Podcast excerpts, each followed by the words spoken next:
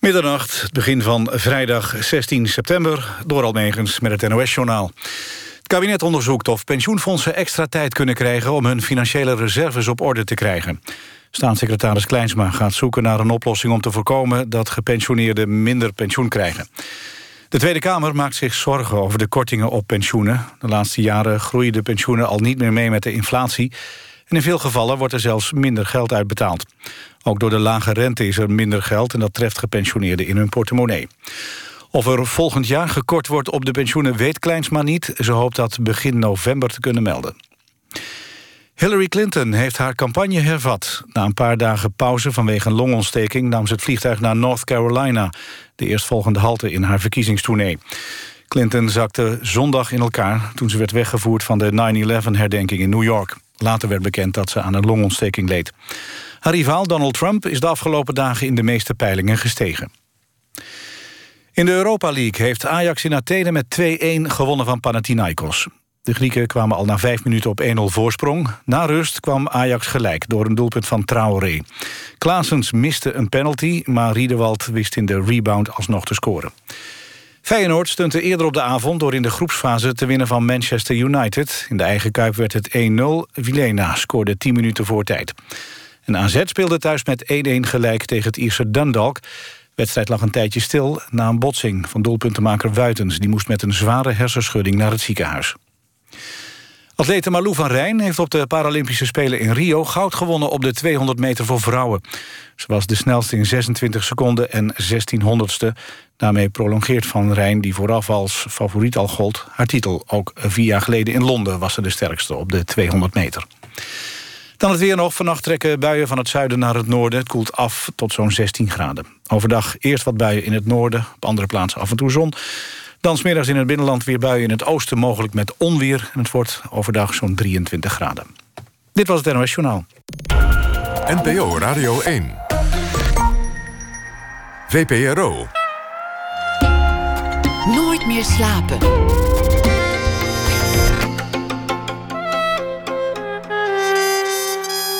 Met Pieter van der Wielen. Goedenacht en welkom bij Nooit meer slapen. Na één uur een ontmoeting met Ai Weiwei, de Chinese kunstenaar en dissident. Vandaag in Amsterdam voor de opening van een tentoonstelling in Fotomuseum Foam. Eda Jansen spitte de Zuid-Afrikaanse literatuurgeschiedenis door op zoek naar passages over de huishoudster. Bijna familie heet het boek. Het gaat over de veelzijdige verhouding tussen werkgever en bediende. De blanke kinderen tijdens de apartheid werden vaak opgevoed door de zwarte huishoudster. Michelle David is uh, te gast, gospelzangeres van de Gospel Sessions. En ze gaan uh, twee liedjes hier uh, brengen, compleet met band. Maar komend uur allereerst te gast Michel van Egmond. Met enige afstand Nederlands best verkopende schrijver, meester van het sportboek. En volgens zijn onderwerp van der Gijp heeft hij mensen aan het lezen gekregen die normaal niet verder kwamen dan de menukaart van de shawarma tent. René van der Gijp, onderwerp van de bestseller Gijp, goed voor 360.000 verkochte exemplaren. Oud voetballer met een luchtige kijk op het bestaan. Maar die luchtigheid werd op de proef gesteld toen zijn vriendin overleed. Een periode die ook centraal staat in het boek De Wereld volgens Gijp. Michel van Egmond, hij is uh, geboren in 1968, zoon van een kapper, wilde eigenlijk voetballer worden, anders misschien jazzdrummer. En dat is eigenlijk ook hoe hij schrijft. Ritmisch, energiek, intelligent, het swingt aan alle kanten. Hij maakte inmiddels een uh, oeuvre, waaronder de boeken Gijp, Kieft, Kieft over een oud voetballer die worstelt met verslaving. Topshow over het programma Voetbal International, waar hij eindredacteur van was. En nog veel uh, andere boeken. Michel van Egmond, welkom. Dankjewel. Zoon van een kapper, dat vind, vind ik meteen ook mooi. Een kapper in uh, een kapperszaak in Zoetermeer was het. Ja. ja. En, en een kapperszaak is natuurlijk ook een, een plek waar je allerlei vaardigheden op doet. Die, die, die niks met haar te maken hebben. Nou, je moet in ieder geval goed kunnen luisteren. Want de kapperstoel is, uh, dat heeft een effect op mensen. Je kan in een stoel. Uh, zittend in een stoel terwijl iemand aan je haar aan het pielen is, kan je niet veel meer doen dan een beetje praten. Dus um, je moet goed kunnen luisteren als kapper. En uh, dat komt mijn vader goed. Mijn vader was kapper, mijn moeder was kapper, mijn zus ging ook in die zaak werken. Dus die hebben honderden verhalen aangehoord. En soms was dat een genoegen en soms was dat een hel, denk ik. Uh, en die verhalen die uh, werden dan aan de lunchtafel nog eens een keer herhaald en becommentarieerd en zo. En zo ben ik wel een beetje opgegroeid. En ik dacht later eigenlijk, toen ik ernaar gevraagd werd in een interview... dacht ik dat er misschien wel een link inderdaad was tussen uh, die verhalen die ik altijd hoorde. Mijn vader kon ze ook heel goed vertellen. Die konden mensen ook vaak wel goed imiteren en zo, hoe ze praten, et cetera.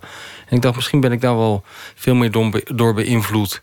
Ook in mijn manier van schrijven en werken dan ik me uh, lang heb gerealiseerd. Ik kwam er eigenlijk op omdat ik dat las in een uh, interview met mijn grote idool Gay Talese, een Amerikaanse journalist. Hij is de zoon van een kleermaker.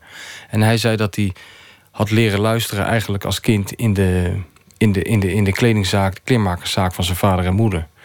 Omdat uh, zijn moeder uh, tijdens het verstellen van die kleding met klanten aan het babbelen was. En, maar met de vrouw van de burgemeester, maar ook met de vrouw van de visboer. En dan hoorde hij verhalen en zo leerde die verhalen opnemen, maar ook, ook de manier van spreken van mensen analyseren. Een manier van spreken, maar ook een, een verhaal gaande houden. Uh, interesse tonen in een verhaal, goed luisteren. Niet als de klant een week later komt nog eens een keer dezelfde vraag stellen als ze het net verteld hebben. Allemaal dat soort dingen.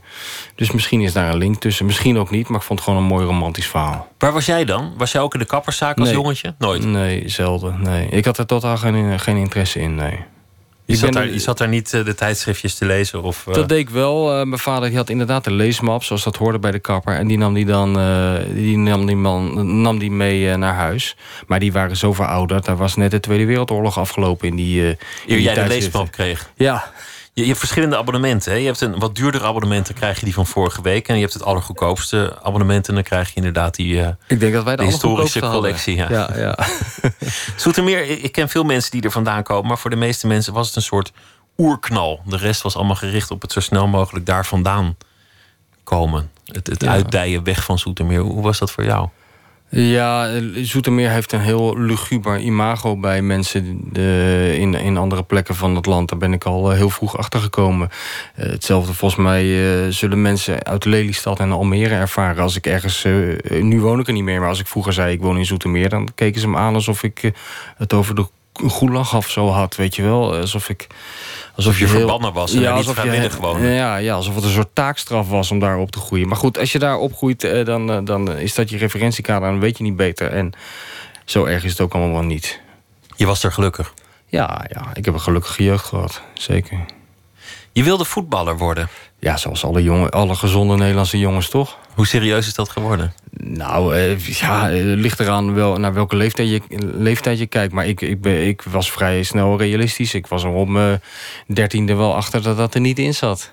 Ik kon goed voetballen op straat. Maar... Um, Geen talent scout die erop zat te wachten? Nee, nee, ik heb niemand van Barcelona gezien hoor, bij mij in de straat. Nee. Je andere droom, en die is misschien nog steeds wel ergens aanwezig. Maar ja, ik bedoel, je moet, er zit ruimte tussen wat je zou willen en wat je zou kunnen. En, en, en waar je ooit aan begonnen bent. Maar als je echt mocht kiezen, werd je jazzdrummer. Ja, ja, ja. Nou ja, ik ben, ik, ik, ik heb, uh, ik ben op mijn, ik weet niet, ik denk op mijn veertien of zo gaan drummen. Eh, en toen ik uh, op de middelbare school zat, toen heb ik dat wel redelijk obsessief gedaan. Ja, ik, ik had wel dagen erbij dat ik op zaterdag om ochtend om tien uur achter dat ding ging zitten. En dan opeens om zes uur uit een soort trance schoot. En erachter kwam dat eigenlijk de dag voorbij was en dat het al een beetje donker begon te worden om me heen. Dus dat heb ik wel heel veel gedaan, ja. En heel Soetermeer uh, zat dan recht overeind op, ja, op de dat bank. Is, dat is waanzinnig. Ja, ik deed dat gewoon in huis, in een rijtjeshuis. Ja, ik heb me nooit gerealiseerd. ik moet daar zo ontzettend veel mensen ongelukkig mee hebben gemaakt. Terwijl je dacht dat je Art Blakey aan het worden was. Ja, nou, dat, dat, ook, ook daar was ik vrij realistisch in hoor. Het was meer een droom dan dat ik nou het idee had uh, dat het echt wat zou kunnen worden. Maar ik deed gewoon heel graag en, en nog steeds wel eigenlijk. Hoe kwam de jazz in je leven?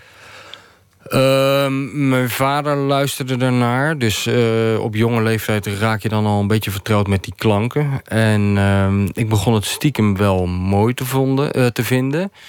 Uh, toen ik een jaar of uh, 13 was, denk ik. Toen ik een beetje begon te drummen, weet je wel. Toen kwam ik erachter dat, uh, dat, dat jazz, met name voor drummers, wel, wel een genre is waar je, waar je veel van je creativiteit in kwijt kan. Maar ja, het is natuurlijk niet echt sexy voor iemand van 13 om op het schoolplein te zeggen dat je van jazz houdt. Weet je wel. Daar versier je niet echt snel een meisje mee. Dus ik hield dat altijd wel een beetje angstvallig geheim. Tot ik dus een, een, een drumleraar kreeg. Een jongen die bij mij één keer per week naar mijn zolder zolderkamertje kwam om mij de eerste beginselen bij te brengen. En uh, die was al een stap verder. Die was al uit de kast, zal ik maar zeggen. En uh, die bleek ook heel erg van jazz te houden. En die deed er verder niet moeilijk over.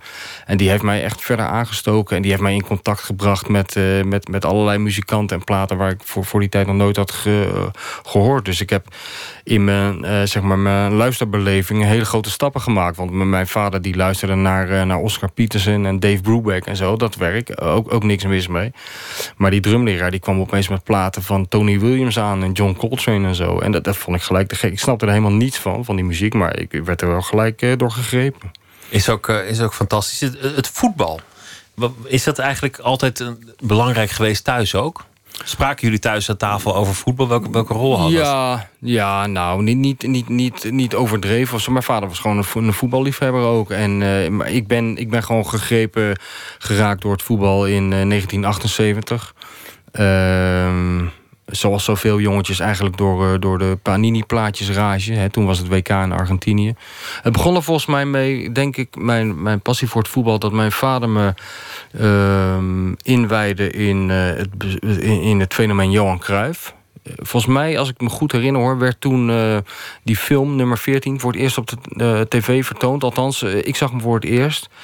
En uh, mijn vader begon toen uit te leggen, weet je wel, wie dat was, Kruif en hoe belangrijk die was, et cetera. Nou, dan zie je die film, dat is ook een monument natuurlijk, wordt er voor hem opgericht. Ongelooflijk indruk, vind ik nog steeds een ongelooflijk indrukwekkende film. Die, die slow motion beelden en dan die muziek erbij ook. Daar kan ik nog steeds uh, van genieten. En een paar weken later uh, zag, ik, ehm, zag ik de afscheidswedstrijd van Kruif tegen Bayern München. 8-0 afgedroogd in het Olympisch Stadion. En ja, dat contrast dus uh, het ene moment uh, word je bijgepraat over een soort bovennatuurlijke superheld. En een paar weken later zie je hem keihard van zijn voetstuk donderen. Dat vond ik al, allemaal heel fascinerend. En dat WK in 78, ja, dat heeft gewoon de, de, de, vonk doen overspringen bij mij. Ik was uh, toen binnen een paar weken tijd op slag uh, ja, obsessief met voetbal bezig. Ik, ik bedoel, later is dat allemaal afgenomen. Er is ook een tijd gekomen, zo rond mijn achttiende... dat ik dat voetbal me allemaal minder interesseerde. En ook later in mijn leven nu. Ik ben helemaal niet zo'n voetbalfreak. Weet je wel, die, al die wedstrijden van vanavond, ik heb er niet één gezien. Door omstandigheden. Uh, ik heb honderden wedstrijden van Feyenoord gezien over de hele wereld. Maar als ik uh, van vijf de uitslag nog weet, dan is het veel. Maar als jij mij nu vraagt welk rugnummer had Ernie Brands in 1978 op het WK in Argentinië, dan zeg ik 22. En ik weet zeker dat het waar is. Want toen, toen was dat zo ja, belangrijk. Natuurlijk, dat zit, op, tijd. dat zit op, op je. Dat was alles voor mij, weet je wel. Dat zat heel diep in die harde schijf gebrand. Ja, nog steeds. Dat merk ik nog steeds. Ik ging, uh, ik ging Voetbal International lezen. Uh, al lezen. Ik ging het als een soort. Ik ging het bestuderen, weet je wel. En jaren, dus decennia later kwam ik zelf bij VI te werken. En uh, was ik veel op de kamer van Johan Derksen. Ik werd daar adjunct hoofdredacteur. Hij was de hoofdredacteur. En Johan had daar al zijn boeken met militaire precisie in een kast staan en zo. Niemand mocht er eigenlijk aankomen. Hij had ook alle VI's ingebonden. Het blad bestaat al sinds 1965. En toen heb ik wel eens, toen hij een keer uh, niet keek... heb ik stiekem geheel tegen de voorschriften in de, de, de, de klapper van 1978 eruit gehaald. En ik kon tijdens het bladeren bijna letterlijk voorspellen wat er op de volgende pagina stond. Zo diep zat het in mijn geheugen gegrift, weet je wel. Zo, zozeer had je er in die tijd in, in verdiept. Ja, ja. Wat was je eerste artikel? Wat was voor het eerst dat je, dat je ging schrijven? Um, dus ik, ik heb op de, om de een of andere reden vanaf mijn twaalfde, dertiende geroepen dat ik sportjournalist zou worden. Zonder dat ik verder uh, daar heel veel actie ondernam om, om, om er iets voor te doen. Ik, ik, het, maar je moet iets zeggen. Je toch? moet iets zeggen. En het stond, stond ook bovendien heel ver van me af. Hè. Je moet, die voetballers, uh, Ruud Krol, de aanvoerder van het Nederlands elftal toen, dat was voor mij een soort in mijn kinderlijke beleving een soort onaanraakbaar een fenomeen, weet je wel. Iemand die helemaal niet meer van vlees en bloed was. Ik kon me niet voorstellen dat je met Ruud Krol bijvoorbeeld een gesprek zou kunnen voeren. Dat was gewoon, dat ging er bij mij uh, niet in. Uh, dus dat stond heel ver van me af. Dus ik wist helemaal niet hoe je dat moest aanpakken. Uh, tot er in de plaatselijke krant in Zoetermeer... want ondanks het feit dat er in Zoetermeer werkelijk geen ene reet gebeurde... hadden ze toch een krant. Uh, stond er een advertentie voor een sportmedewerker in het weekend. Ze zochten iemand om, om de klusjes te doen. En mijn moeder heeft toen gezegd... ja, als je dan, je zeurt al zo... ik hoor al zo jarenlang dat je sportjournalist wil worden. Dit is je kans. Dus toen heb ik een, een sollicitatiebriefje geschreven. En toen mocht ik een proefverslag maken van de wedstrijd DWO Delft. DWO was de club waar ik zelf ook voetbalde. En uh, ik geloof dat ik dat verslag, dat ik daar echt een week over heb gedaan. Zo belangrijk was het. Nou ja, zo onhandig was ik ermee. Want ik wist helemaal niet hoe, hoe je dat moest doen. En niemand legde het me ook uit. Iemand gaf me een stukje papier en een pen. Dat was Onno Hansem. Die is nu sportcommentator bij Fox Sports. Die komt ook uit Zoetermeer. En die zei, ga maar, op, eh, ga maar zitten en, en, eh, en schrijf maar een stukje. Nou, dat heb ik gedaan. En ik heb dat stukje een paar jaar geleden bij een verhuizing teruggevonden. Dat vond ik wel leuk. Het was met de pen geschreven. Er stond een gigantische DT-fout in de kop. Eh, van die wedstrijd, DWO tegen Delft. Maar desondanks werd ik aangenomen, ondanks die DT-fout. Wat heel veel eh, over In de kop nog wel, ja. Wat heel veel over mij zegt, maar toch ook wel over het niveau van die krant. Maar ik vind het ook een heel mooi beeld dat je, dat je, dat je zo'n zo'n lokale derby gaat verslaan. En dat het dan voor jou is alsof je auditie Ja. in Hollywood aan het doen Nou ja, bent. auditie voor de Washington Post, weet je wel. Ik vond het, ik vond het, ik vond het echt eh, magisch dat ik opeens eh, deel ging uitmaken van die wereld. Ik, las die, ik spelde die krant, hè. Wij, wij voetbalden, ik voetbalde de hele dag op straat. En dan kwam op maandag kwam de, de bezorger van de Haagse Courant.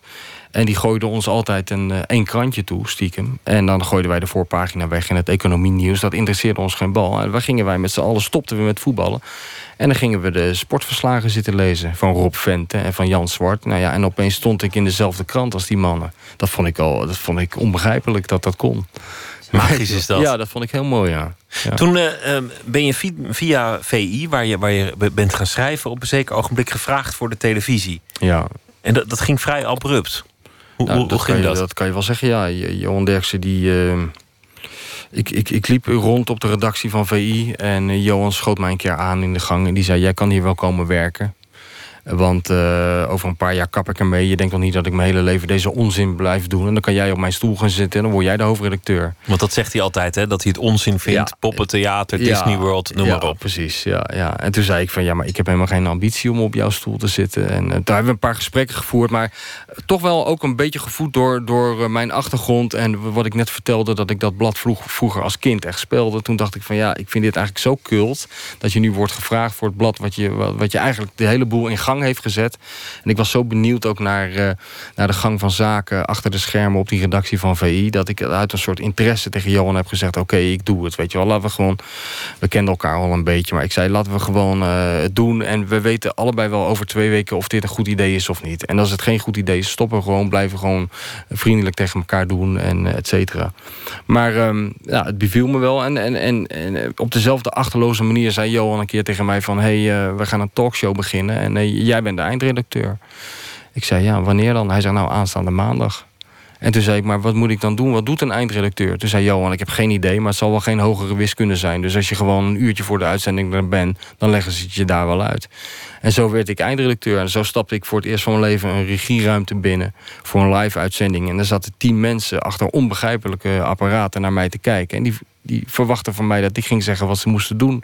Maar ik had werkelijk geen idee. Ik ben, ik ben zelf geen voetballiefhebber, maar ik was lange tijd wel iemand die, nou net als Van der Grijp, s'nachts een beetje ronddolt en, Ja. en hier en daar wat kijkt. En VI was altijd een vaste stop om dat, dat terug te kijken, Voetbal International.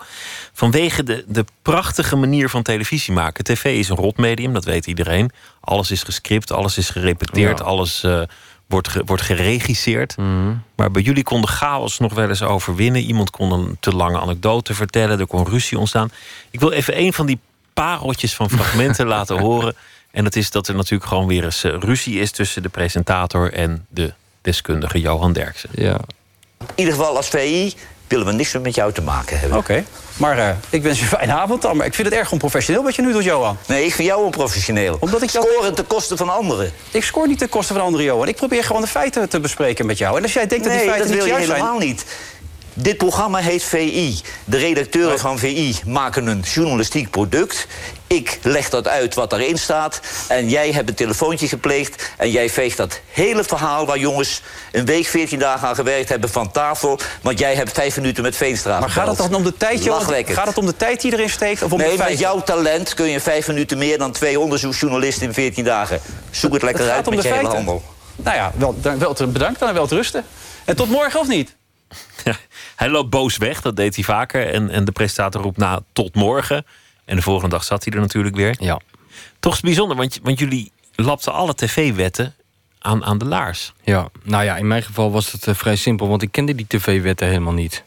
Dus ik werd er daar eigenlijk mee geconfronteerd uh, met al die wetten die er waren. Onder, onder andere de wet dat je een draaiboek maakt... waarin ongeveer van minuut tot minuut staat hoe het programma moet, moet verlopen, wie er aan het woord is, uh, et cetera. En ik kwam erachter uh, na een paar uitzendingen dat dat draaiboek wat ik in mijn handen had, had helemaal niets meer te maken met datgene wat ik op dat scherm zag. Dat het was gewoon een totale. Niemand keek erop. Nee, maar totale minachting ook daarvoor. Weet je wel, ze lazen het niet en ze gooit het gelijk weg. Ze pakt het niet eens aan, het draaiboek. Het was totale anarchie. Maar het leverde wel hele spannende televisie op. Dus uh, ja, toen hebben we besloten van... Ja, we, laten, we, laten we dit gewoon laten gaan. Laten we de boel helemaal omdraaien. Dus het, het verhaal dat, dat John de Mol een keer bij jullie kwam kijken... en dacht, dit is geen tv maken. Wat, wat gebeurt hier? Wat, wat is dit voor Nou, bende? dat was letterlijk zo, ja. Dat, uh, dat hij binnenkwam en hij ging, um, hij ging in een hoekje staan kijken... wat er aan de hand was. Nou, er was van alles daar aan de hand. Achter de schermen voor de uitzending. En er werd over van alles gesproken. Behalve over datgene wat we voor ongeveer een miljoen kijkers gingen doen binnen een kwartier.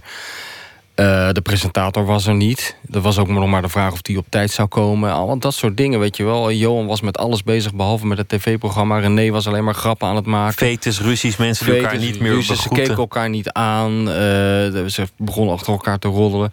En toen uh, sprak hij inderdaad de legendarische zin... jongens, neem één ding van me aan. Zo kun je geen tv-programma maken.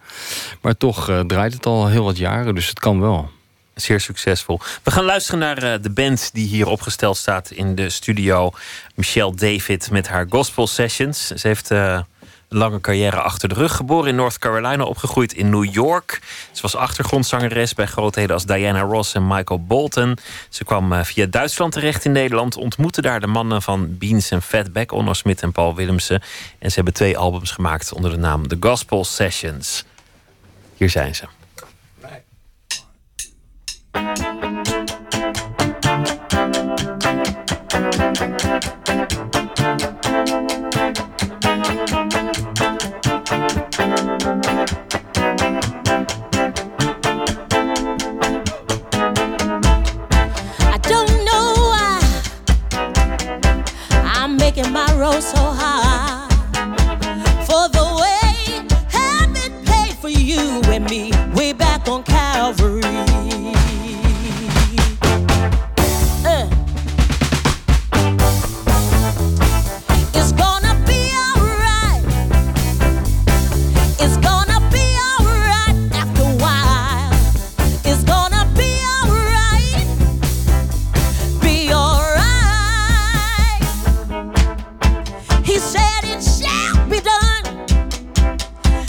Stop running from yourself.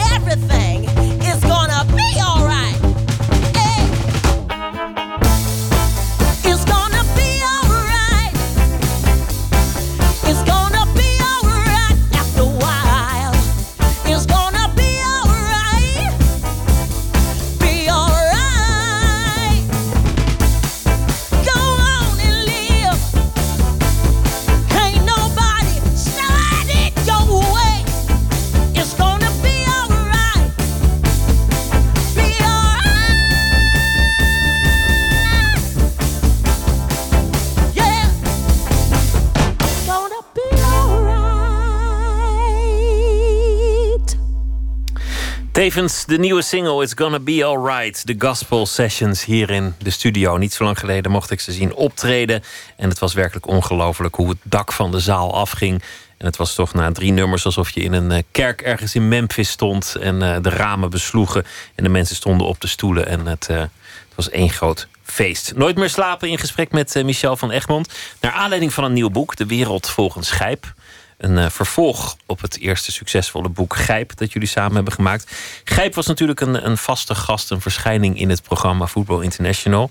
Een oud voetballer, een man die het leven niet te zwaar neemt. Een uh, echte Rotterdammer, een geestig uh, verschijning. Het werd een reusachtig succes, dat boek. Ja. En dat, dat le leidde bijvoorbeeld tot de volgende anekdote, ook weer in het programma Voetbal International, waar, waar Gijp vertelt over een ontmoeting met Jort Kelder. Die Michel van Egmond is eerder als mij. Ja. En die komt daar die Jort Kelder tegen. Nou, en op een gegeven moment loopt die Michel tegen het lijf... en hij ziet dat Michel zo'n zendertje heeft. Dus hij denkt, die Michel is uh, aan tafel. Dus hij zegt... Uh, dus die Michel zegt, ik ben de schrijver van het, uh, van het boek Grijp. Oh, wat armoedig.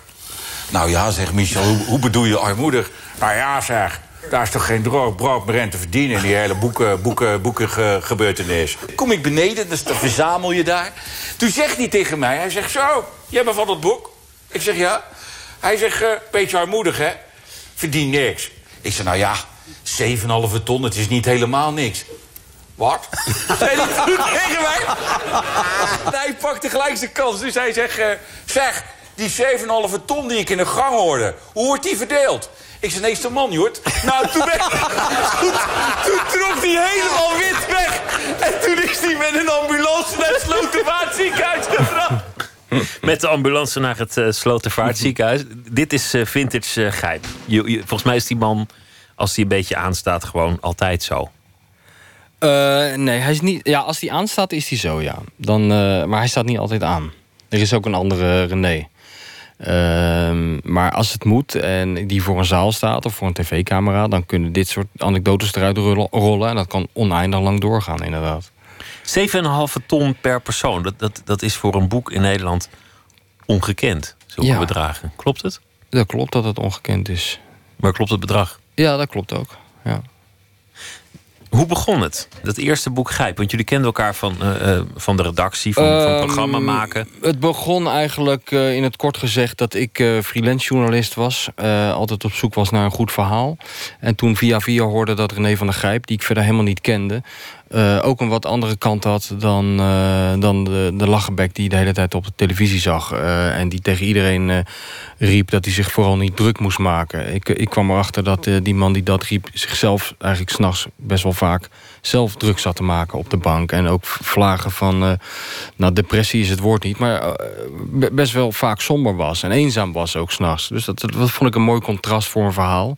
Toen heb ik hem opgebeld met de vraag of ik of ik een stuk over hem kon schrijven voor Hard Gras, een, een voetbaltijdschrift. En toen zei ik tegen hem, ik wil je alleen niet interviewen, ik wil je eigenlijk volgen, een dagje, wat je doet. Hij gaf toen heel veel van die lezingen bij bedrijven en zo in het land. Dus ik zei, ik zou wel eens een keer mee willen naar zo'n lezing. En uh, toen zei hij, is goed ouwe reus, niks aan de hand, dat gaan we doen. Kom maar naar Dordrecht, dan rij je met mij in de auto mee. En toen zijn we ingestapt en dat klikte gelijk heel goed... Uh, hij vertelde een goed verhaal en ik vertelde een goed verhaal. En we bleken natuurlijk een aantal gemeenschappelijke kennis in die voetbalwereld te hebben. En het resultaat was dat we eigenlijk halverwege de weg naar uh, Arnhem de auto al langs de kant moesten zetten, bijna van het lachen. En toen kwamen we aan bij dat, uh, bij dat bedrijf. Dat was een verzekeringskantoor was dat, waar hij moest spreken. Ik zeg, ik zeg, voor wie ga je nou spreken? Hij zegt, geen idee, joh. Mijn management die geeft me een adres en dan ga ik daarheen. Ik zeg, maar wat ga je dan zeggen? Hij zegt, dat zie ik wel, joh, als ik eenmaal op dat podium sta. Ik vond dat heel merkwaardig allemaal. Hij bereidde zich totaal niet voor. En zijn naam werd omgeroepen. En hij wandelde inderdaad het podium op. En ik zat in de zaal daar zo een beetje naar te kijken. En gaandeweg hoorde ik, allemaal, hoorde ik hem allemaal verhalen vertellen... die ik zelf had meegemaakt in mijn leven. En in de autorit daar naartoe aan hem had verteld. En die had hij zichzelf heel snel eigen gemaakt. Die had hij nog even tien keer beter gemaakt. En die stond hij daar in die zaal te, te vertellen. En toen dacht ik al bij mezelf, een bijzondere jongen eigenlijk. En uh, nou ja, op de terugweg heb, in de auto hebben we toen een serieus gesprek gevoerd. Toen vertelde hij inderdaad dat hij een beetje last had van... waar waar wel meer artiesten last van hebben. Namelijk een zaal met 500 mensen eh, laten rebulderen van het lachen. En dan alleen naar het parkeerterrein moeten lopen. En alleen in de auto in een leeg huis eh, terechtkomen. En op de een of andere manier is dat verhaal er nooit, is nooit geschreven. Ik, weet, ik kan niet meer herinneren waarom niet, maar het is nooit op papier gekomen. En toen jaren, jaren later ging ik bij VI werken. En toen kwamen we elkaar natuurlijk weer tegen, want ik werd eindredacteur van het programma waar hij uh, in zat. En ik ging samen met hem een column schrijven voor het blad Voetbal International. Dus zo uh, begonnen we heel veel uren met elkaar door te brengen. En um, ja, met name die, die sessies voor die column die liepen eigenlijk helemaal uit de hand. Want ik had eigenlijk aan een kwartiertje praten met hem genoeg voor een stukje. Soms zaten we wel eens vier uur lang te praten. En waarvan ik drieënhalf uur naar hem zat te luisteren. En toen heb ik op een dag tegen Johan Derksen gezegd... van er zit eigenlijk veel meer dan een column in die jongen. Er zit volgens mij een boek in hem. En toen zei Johan, ja, nou ja, dan moet jij weten... als jij dat wilt doen, het is, het is totaal niet lucratief. Het kost je ontzettend veel tijd. Het levert niks op. Er is geen markt voor in Nederland. Maar als jij er zin in hebt, dan doe je dat. Maar je moet wel gewoon je, je werk voor het blad blijven dat doen. Dat was toen ook zo. Inmiddels, dat was ook zo, is, inmiddels is er die markt voor, voor het mannenboek, het voetbalboek, hoe je Ja. het ook noemt. Of zoals Gijp zegt, het, eh, het boek voor mensen die normaal niet verder komen dan, dan het menu van de shawarma tent. Maar ineens is, is het sportboek door dit boek heeft een enorme hoge vlucht genomen. Dus wat Derksen zei, dat klopte toen nog. Ja, dat klopte toen nog, ja. Ik bedoel, eh, eh, ik had daarvoor wel een paar sportboeken geschreven... en die verkochten tussen de 3 en de 5000 exemplaren. En als je dat op straat zei, dan kreeg je een schouderklopje. Want dat was best een goed aantal. Ik geloof dat het best verkochte sportboek Voorgrijp... denk ik de eh, biografie van Clarence Seedorf was... geschreven door Simon Zwartkruis. Ik geloof dat die 25.000 exemplaren had verkocht. Wat heel veel was. Sowieso voor een boek, maar zeker voor een sportboek. Nou ja, toen kwam dat Grijp en dat liep natuurlijk helemaal uit de hand. Ik bedoel, wij lieten er... Er zouden er 10.000 van worden gedrukt. En die uitgever heeft nog een paar dagen voordat die persen gingen draaien... gezegd van nou, laten we er maar 7.000 van maken... anders raken we ze niet kwijt. En eh, ja, die 7.000 die waren in een paar uur uitverkocht. Toen hebben ze er weer 10.000 laten drukken... en die waren de volgende dag weer uitverkocht. En zo ging dat maar door. Het wonderlijke aan het leven van een voetballer is dat, dat de hoogtepunten, althans voor, voor wat betreft de voetbalcarrière, op jonge leeftijd liggen. En dan is er nog een enorm naleven. Ja. Het, het andere boek, eh Kieft, dat, dat is de andere kant. Waar, waar Gijp een beetje de vrolijkert is, die, die nog geld weet te verdienen met, met snabbeltjes, is Kieft een, een man die gebukt gaat onder verslavingen, Ja. die, die het leven als een last draagt. Eigenlijk zijn die twee boeken met elkaar in balans. Het, het, het, het is de, de plus en de min, zeg Ja. maar. Zo zou je het kunnen zien. Ja, ja, en de worsteling van hoe je ermee omgaat... dat het hoogtepunt van je leven eigenlijk op hele jonge leeftijd achter je ligt. Eh, dat, kijk, Wim Kieft wordt er niet graag aan herinnerd. Die kopbal eh, van hem tegen Ierland eh, in 1988 voor Oranje. Maar het heeft van hem een volksheld gemaakt. En ehm, dat, dat, dat soort dingen geven je een kick die eigenlijk, eh, als je carrière voorbij is, die kan je niet meer evenaren. Dus alles wat. René zegt in dat laatste boek van het is, het is eigenlijk. eh, oud worden is sowieso al een kunst op zich. Maar oud worden als ex-voetballer, topvoetballer, is nog moeilijker. Eh, en hij zegt ook, op, als voetballer word je eigenlijk op veel te jonge leeftijd blootgesteld aan te veel geld, te veel complimenten, te veel aandacht, eh, te veel comfort. Dus eh, ik ben het wel met hem eens eh, als hij als die zegt dat dat, dat dat nog een hele kunst is om na je carrière nog een beetje gelukkig te blijven als voetballer, ex-voetballer. Daarom vond ik het ook zo'n prachtig boek. En, en De Wereld volgens Gijp, het, het nieuwe boek, misschien nog meer. Omdat die, die man met die vrolijke, eenvoudige levensfilosofie... hou het eenvoudig, thuis met je koffiezetapparaatje, je bankje, et cetera... Die, die wordt op de proef gesteld. Ja. Er gebeurt van alles. Zijn, zijn vriendin overlijdt. Hij krijgt de zorg over zijn zoon. Zijn moeder sterft. Op, op allerlei manieren wordt dat leven over. Zijn nou, andere, overhoop zoon, eh, zijn andere zoon heeft kanker. Hij wordt, wordt aan alle kanten Ja. eh, zit het ineens tegen. En dan wordt het interessant. Want, Mhm. want dan gaat het echt tellen wat zijn levensfilosofie is. Ja, dat, heb je goed gezegd. Dat vond ik ook. Kijk, in het eerste boek eh, is het nog allemaal theorie. Vertelt hij over hoe hij in het leven staat en, en hoe hij over dingen denkt. En hier hebben we dus meegemaakt dat hij er ook naar handelt, naar zijn levensfilosofie. En dat vond ik wel, ik moet zeggen, indrukwekkend om te zien bij hem. Ik heb een hele andere kant van hem ontdekt. En eh, dat maakt hem natuurlijk ook eh, zo interessant. Ik heb gisteren, gisteren was de boekpresentatie. Heb ik tegen hem gezegd, eh, voordat ik hem het, het, boek overhandigde. ik, ik heb tegen hem gezegd... nee, ik kan eigenlijk wel duizend boeken over jou schrijven. En dat is natuurlijk overdreven, maar er zit wel een kern van waarheid in. En je denkt dat je iemand kent... En we gaan nu al heel wat jaren met elkaar om. En er zijn jaren geweest dat, dat we dagelijks contact met elkaar hadden, et cetera. En toch heeft hij mij enorm verrast in, in heel veel opzichten. En met name nu uh, heeft hij mij verrast, omdat ik, ik kan me nog herinneren dat uh, na, de, na de plechtigheid, na de crematie van Danielle, de moeder van zijn kind, dat we met, uh, met, met de beste vrienden van René in een restaurant zaten. Hij zelf was daar niet bij, want hij lag toen alweer naar voetballen te kijken. en toen hebben we natuurlijk wel onze bezorgdheid geuit over hoe dat nou allemaal moest met Nicky, maar ook met hem. En, en we zagen toch niet helemaal voor ons hoe René op slag opeens een, een zorgzame vader uh, zou kunnen zijn. Omdat de man is die, die rust wilde, die alleen ja, wil zijn zijn. Leven was totaal op comfort, eenzaamheid, bijna op een soort isolement was dat uh. En, uh, en hij heeft zijn zoon altijd, hij, hij, is altijd heel liefdevol met zijn zoon omgegaan, maar hij heeft nooit met hem, had nooit met hem samengewoond. Nooit met hem op vakantie geweest, et cetera. En, uh, maar daarin heeft hij ons, op mij althans, enorm verrast. Want er kwam een soort kordaatheid over hem heen... die ik eigenlijk niet in hem uh, gezocht had. En uh, hij, heeft, hij heeft dat op een hele eigen en onorthodoxe wijze opgepakt. Maar ik ben er inmiddels van overtuigd dat hij, dat hij die jongen in zichzelf wel gelukkig gaat maken. En het mooie is dat het, en daardoor is het toch wel weer een sportboek ge geworden, vind ik. Uh, het mooie is dat het voetbal daar een hele grote rol in speelt. Een troostende rol eigenlijk. Voetbal kijken schept een band met die zoon. Voetbal kijken biedt afleiding. Voetbal, Ja. voetbal is, is troost. Iets, iets om, om, aan, om de gedachten te verzetten. Maar het gaat eigenlijk ook verder. Voetbal gaat bijna over. Als die jongens op het veld dit waar kunnen maken. dan moet ik ook alles waar kunnen maken. Ja, dat, dat zou kunnen. Ik weet niet of hij daar zo tegen aankijkt. Maar ehm, hij heeft ook gezien gewoon en onderkend dat Nicky... eh, die lijkt heel erg op hem. En die vindt het gewoon... Die kan zich bijna niks leukers voorstellen... dan samen met zijn vader lang uit op de bank liggen... en naar eh, Borussia Dortmund tegen Schalke kijken. En het, viel mij, het begon mij op te vallen eh, direct eigenlijk na de crematie. Dat, eh, daar was ik bij. Het was een besloten bijeenkomst. Er was een groepje mensen na die, na die plechtigheid die bij elkaar kwamen. En toen hadden Nicky en René het binnen vijf minuten alweer over de vraag of Depay nou wel of niet in de basis moest staan bij Manchester United. En in eerste instantie vond ik dat, was ik daar een beetje door gechoqueerd. Dan vond ik dat heel erg merkwaardig. En eh, misschien zelfs wel een beetje ongepast. Weet je wel, zo'n gevoel had ik erbij. En eh, later ging ik er wat langer over nadenken. En toen dacht ik van, er is eigenlijk helemaal niks mis mee. Zij, het geeft hun een goed gevoel.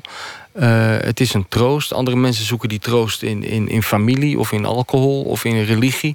Zij zoeken het in, eh, in honderden voetbalwedstrijden die ze samen kijken. En dat, het, het werkt voor hun. Dat heb ik nu gezien de afgelopen maanden. Dat ik dat intensief heb gevolgd. Het werkt voor hun. En wat, voor, voor jouzelf eigenlijk, is voetbal, en voetbal nog die rol in je leven? Of zijn het andere dingen? Nee, nee, pri- privé speelt, speelt dat voetbal geen... eh, nee. Speelt geen rol meer als, als troost of... Nee, nee, het is, het is, het is voor, nee. Voetbal heeft voor mij een hele andere betekenis gekregen de afgelopen jaren eigenlijk. Ik, ik ben, ik ben als, als, als journalist. Kijk, ik heb, heb mijn, mijn hele leven heb ik erover geschreven. En, en dat blijf ik misschien ook mijn hele leven wel doen. Eh, maar er is wel een periode geweest dat ik echt afgeknapt raakte op het voetbal. Omdat je te goed ziet hoe het werkt en, welke mechanismen er nog meer een rol ja, spelen. en ook gewoon eh, heel praktisch. Kijk, eh, ik kan me nog heel goed herinneren dat ik, dat ik bij een Feyenoord Ajax op, in het stadion zat. En dat ik om me heen keek en dat ik opeens eh, me realiseerde dat ik tussen 35.000 mensen eh, zat die heel hard Hamas, Hamas, Joden aan het gas aan het scanderen waren. Toen dacht ik bij mezelf, wat zit ik hier eigenlijk te doen? Weet je wel? Ik wil hier eigenlijk helemaal niet bij horen. Dit, dit, dit, er droop zoveel haat en agressie van die tribunes toen. Dat, eh, dat soort momenten heb ik wel gehad, weet je wel. Dat ik, Dat is natuurlijk ook ontzettend jammer. En ik vind, ik vind het ook zo. Als je, als je in de Verenigde Staten naar American football gaat en ziet hoe, hoe gemoedelijk en leuk zo'n Mm. wedstrijd kan zijn. Het is eigenlijk jammer dat het spel in die zin veel mensen is afgenomen. Ja, maar ik, het, het, het- het- er is wel een omslagpunt bij mij gekomen. ehm, doordat ik later dacht ik bij mezelf, ja. Het, het ligt eigenlijk misschien ook wel aan mezelf. Het ligt er juist heel erg aan hoe je er tegenaan kijkt. Ik dacht bij mezelf, ik, ik, ik begon er moeite mee te krijgen om die totaal absurde, losgeslagen wereld van het topvoetbal nog serieus te beschrijven. En toen dacht ik later, dat moet ik ook helemaal niet meer doen. Ik moet het beschrijven zoals ik het zie. Namelijk één groot absurd toneelstuk. Wat voor, speciaal voor mijn plezier wordt opgevoerd. En als ik het nou maar zo opschrijf, dan krijg ik er weer plezier in. En dat was ook zo. En sindsdien geniet ik me weer suf in die voetbalwereld. Wat ik knap vind in het boek De Wereld Volgens Gijp en ook het, het boek over Kieft. Het zijn hele persoonlijke, pijnlijke onderwerpen. Je, je bent er, maar, maar je schrijft jezelf niet in het boek. Hmm. Het is de kunst van jezelf onzichtbaar maken. Nou, in ieder geval eh, op papier, ja. Ik pro- pro- probeer mezelf eh, altijd bu- buiten beschouwing te laten op papier. Ik ben Maar als je daar bent, hebben ze dan nog door dat jij er bent? Gedraagt ze zich anders omdat jij daar zit met, je, Eh, met je notitieblok misschien? Nou, Of- ik zit nooit, om, te beginnen al nooit met mijn notitieblok. Eh, ik probeer altijd zoveel mogelijk eh, een, een, een, de, zeg maar de klassieke interviewsituatie te vermijden. Dus mannetje A heeft een blaadje met een pen in zijn hand en stelt vragen aan mannetje B. Die, zit- dat, dat probeer ik altijd te vermijden. Ik probeer altijd gewoon. Ik probeer eigenlijk sowieso het echte interviewen ook te vermijden. Dat heb ik ook tegen René gezegd. Ik, ik wil hem gewoon volgen bij, in zijn dagelijkse gang. Dat, dat is het enige wat ik vraag eigenlijk. het enige van- wat in de buurt komt zijn korte gesprekken aan de telefoon. Hey pik, hoe gaat het? ja. We hebben natuurlijk wel veel gesproken. Maar dat gebruik ik eigenlijk meer als achtergrondinformatie... dan dat ik ze nou heel veel citeer. Bij Kieft was een ander verhaal. Kijk, Kieft had 19 jaar een geheim met zich meegedragen... wat hij aan mij wilde onthullen voor dat boek. Dat is natuurlijk voor 80% is dat wel gebaseerd op gesprekken die we hebben gevoerd.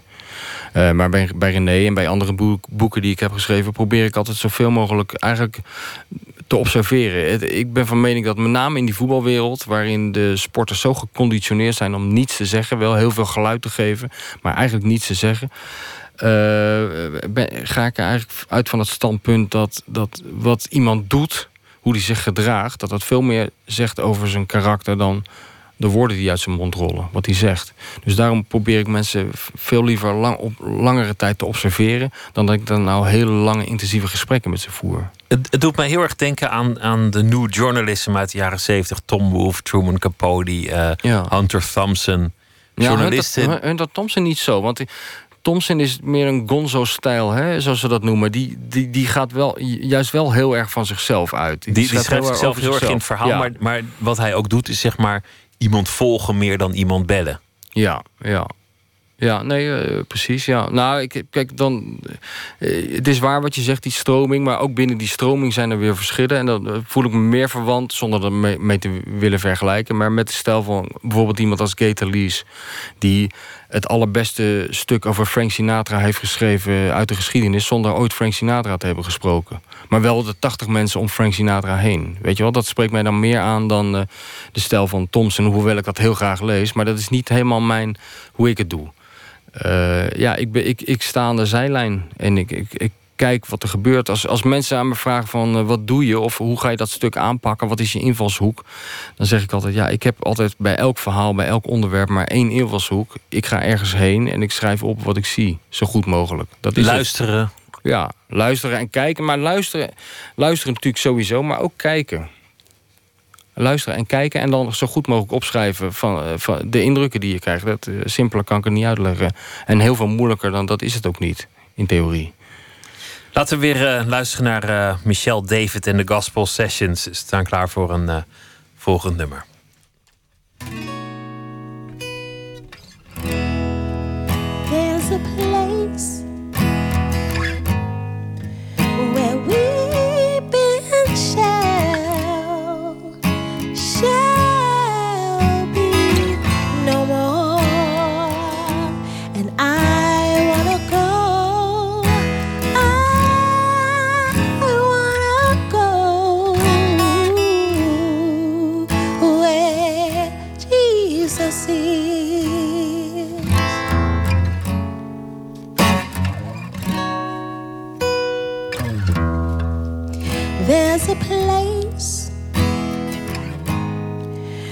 Where sorrow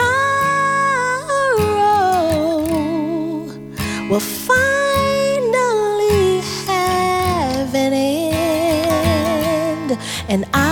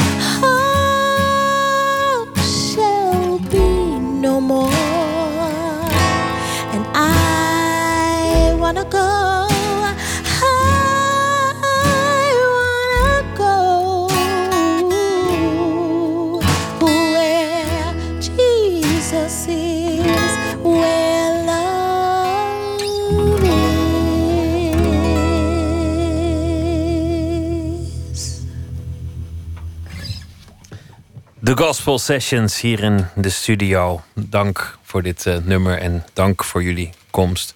Michel van Egmond, De Wereld volgens Gijp. Het, uh, ik vraag me af hoe, hoe jij dat ook zit te schrijven. Heb je, heb je dan muziek aanstaan? Of, of doe je dingen om, om in, dat, in dat ritme te komen? Van ja, jouw schrijfstijl? Ik heb altijd muziek aan, ja. En dat, eh, wel een beetje wat jij zegt om, om in de sfeer te komen. Ja. Dat, uh, dat, is, dat is ongeveer wel het enige ritueel, denk ik hoor. Je hebt, eh, dat kan ook helemaal uit de hand lopen hè, voor, voor schrijvers, dat soort rituelen. Dat je eerst uh, een speciale broek aan moet of op een speciale. Dat heb ik allemaal niet, maar er moet wel muziek aan staan. En ik heb wel. Uh, Steeds dezelfde plaat Ja, dat heb, ik wel, dat heb je wel, ja. Want zo'n boek gaat natuurlijk met horten en stoten, weet je wel. Je hebt periodes dat het lekker loopt. En dan heb je... Dan, ik heb het laatst gezegd... dan is het het, het lekkerste wat er is met je kleren aan. Maar er zijn natuurlijk ook uh, momenten dat het helemaal niet lekker gaat. En de, toen heb ik wel de gewoonte aangewend... en dat zullen veel meer mensen hebben... dat ik de muziek ging draaien die ik draaide toen het nog wel lekker liep. Om een beetje een soort om het uh, terug te halen. Ja, om het terug te halen, dat gevoel, weet je wel. Om weer een beetje in die sfeer te komen. In die het gaat eigenlijk om concentratie natuurlijk.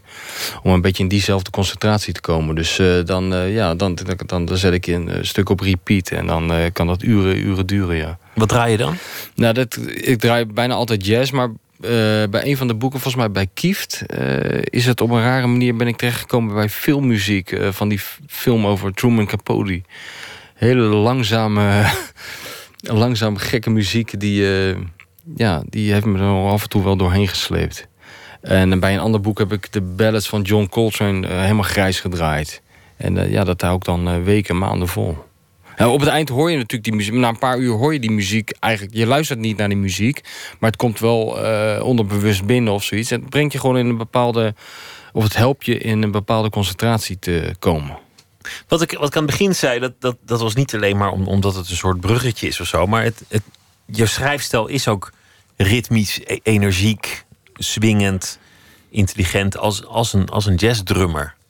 De En wat je vertelt over je tv-werk bij Football International, daar zit ook de kunst van de improvisatie in. Ja, nou ja, um, daar, daar hou ik ook wel erg van. Ja. Alhoewel, dit is natuurlijk um, bij dat schrijven is het wel millimeterwerk eigenlijk. Ik ben wel iemand die enorm kan gaan zitten pielen, weet je wel, met zinnetjes. En een woordje weg en een woordje weer erbij en een komma verschuiven en zo. Want het moet perfect lopen. Ja. Het heeft wel iets... Joost Patokka, dat is, dat is een goede vriend van mij. Drummer? En, ja, de beste jazz, jonge jazzdrummer. Nou, jong, hij is helemaal niet jong meer. Maar van zijn generatie de beste jazzdrummer in Nederland. Die zei laatst wel van... Um, het heeft misschien wel iets met muzikaliteit te maken. Weet je wel, het componeren van die zinnetjes. Het moet gewoon lekker lopen. Het moet uh, niet haperen. Uh, het moet goed in het gehoor liggen. Dus dat, daar, daar is wel een soort link met, uh, met muziek. Hoe test je dat? Of, of het goed in het gehoor ligt? Lees je het ja. hardop voor? Of heb je, heb je nou, dat voorleest? Is, dat is heel gênant. Omdat uh, dan zie je jezelf zo zitten. Weet je, dan zit je achter je IKEA-bureautje... zit je je eigen onzin voor te lezen. Dat, dat gaat wel erg ver. Maar ik heb wel een periode gehad... en dat heeft me wel heel erg geholpen... dat ik met een andere goede vriend, Marcel van Roosmalen... die net als ik ook de, vroeger... althans hadden we erg de neiging om vooral s'nachts te schrijven.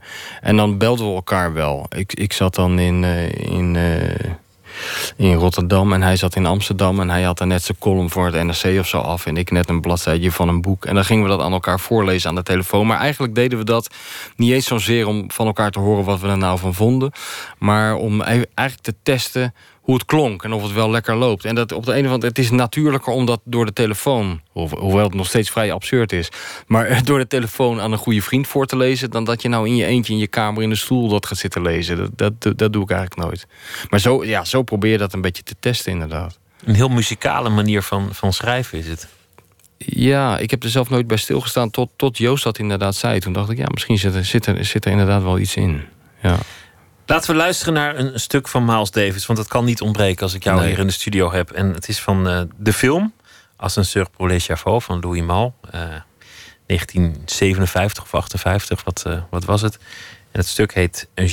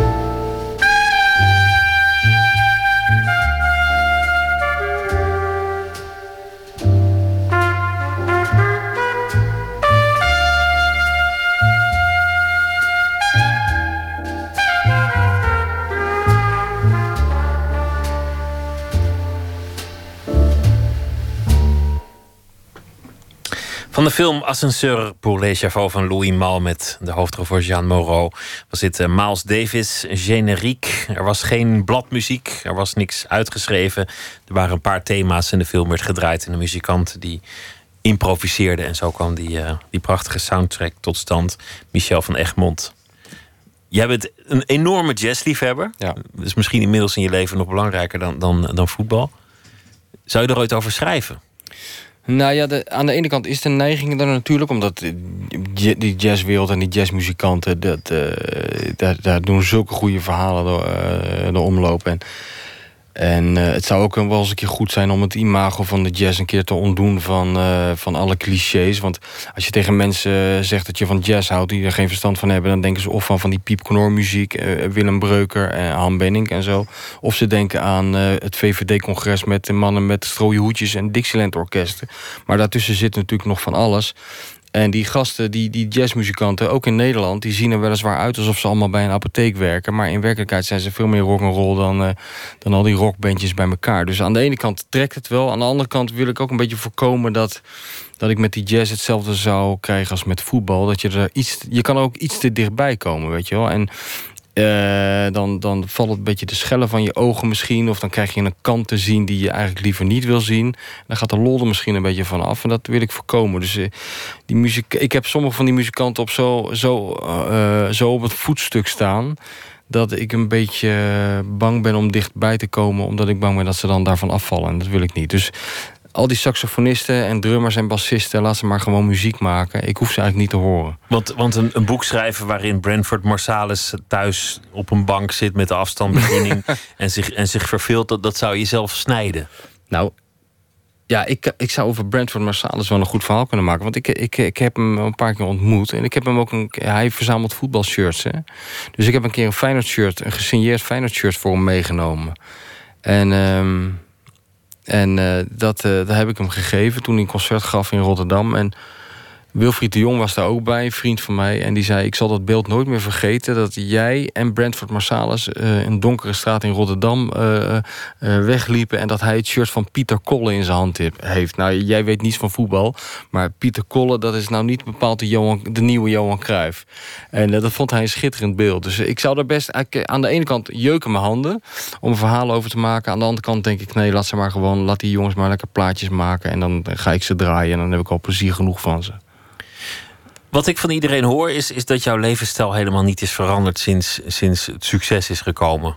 Niet, niet in, in Nee, de maar ja, hoe- materiële zin of, of in andere zin. Het is Nee, globaal hetzelfde gebleven. ja, het is, het, is, het is- ja, het is volledig hetzelfde gebleven bijna. Ja. Ik zou ook geen enkele reden zien om, om dat te veranderen. Het was goed zoals het was en het is goed zoals het is.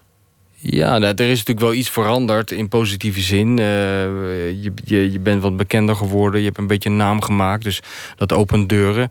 Eh, op een gegeven moment dienen de onderwerpen voor potentiële nieuwe boeken dienen zichzelf aan. Die, die bellen op, die zeggen van wil je er een boek over me maken? Nou, dat had je daarvoor allemaal niet. Dus dat heeft allemaal positieve effecten. Maar verder, zeg maar, mijn, maar de mensen met wie ik omga zijn niet veranderd. En ook mijn dagindeling is, is verder niet zo heel veel veranderd. En eh, ook dat schrijven, ja, ik maak zo'n boek af en dan begin ik weer aan de volgende.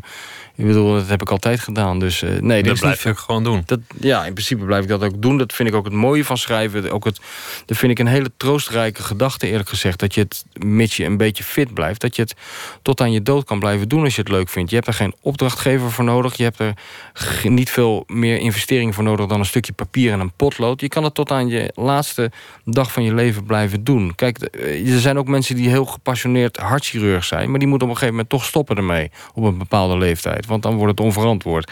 Dat en voetballers moeten stoppen. Voetballers en- moeten stoppen. eh, zelfs radiopresentator. Nou ja, jij, kan ook nog lang door eigenlijk als radiopresentator. Als Ja, je stem maar goed blijft. Die worden op een vijftigste eruit geknetterd door de VPRO... omdat ze dan eh Ja, jong gewoon talent ergens anders eh Ja, maken. Maar ik bedoel, dat heb je met schrijven ook, weet je. Je kan het, je kan het altijd blijven doen. En ehm, ik doe het graag. Ik vind dat, ja... Ik heb gemerkt eh, bij collega's... Ik heb natuurlijk altijd als, als journalist gewerkt, als sportjournalist... dat heel veel collega's vonden eigenlijk alles leuk aan het vak. Het reizen, de wedstrijden bezoeken, het praten met de, met de voetballers en zo. En die vonden eigenlijk het, het, het uiteindelijk uitwerken van het stuk... ja, dat was een hinderlijke bijkomstigheid. En bij mij is het andersom. Ik vind eigenlijk alles een hinderlijke bijkomstigheid. Ik vind het leukste om alleen met een plaatje op achter die computer te zitten en proberen die woordjes in de juiste volgorde te zetten. Dat vind ik het leukst. Ik las iets in, in de krant vandaag dat je misschien een boek over, over DWDD ging schrijven. De wereld draait door. Een, een ballonnetje dat je opwierp en dat meteen nou, ik, wier, ik, ik, wierp het niet op. René van der Gijp wierp het op. Ja, wij zaten, René en ik zaten bij die uitzending te wachten tot we aan de beurt waren. En René zei tegen mij: Het is eigenlijk ook een krankzinnige gebeurtenis, dit programma. Ik zeg ja, maar hij zegt: Het is een waanzinnig programma. René is een beetje geobsedeerd door de wereld door. Hij kijkt het soms wel eens drie keer achter elkaar. S'nachts.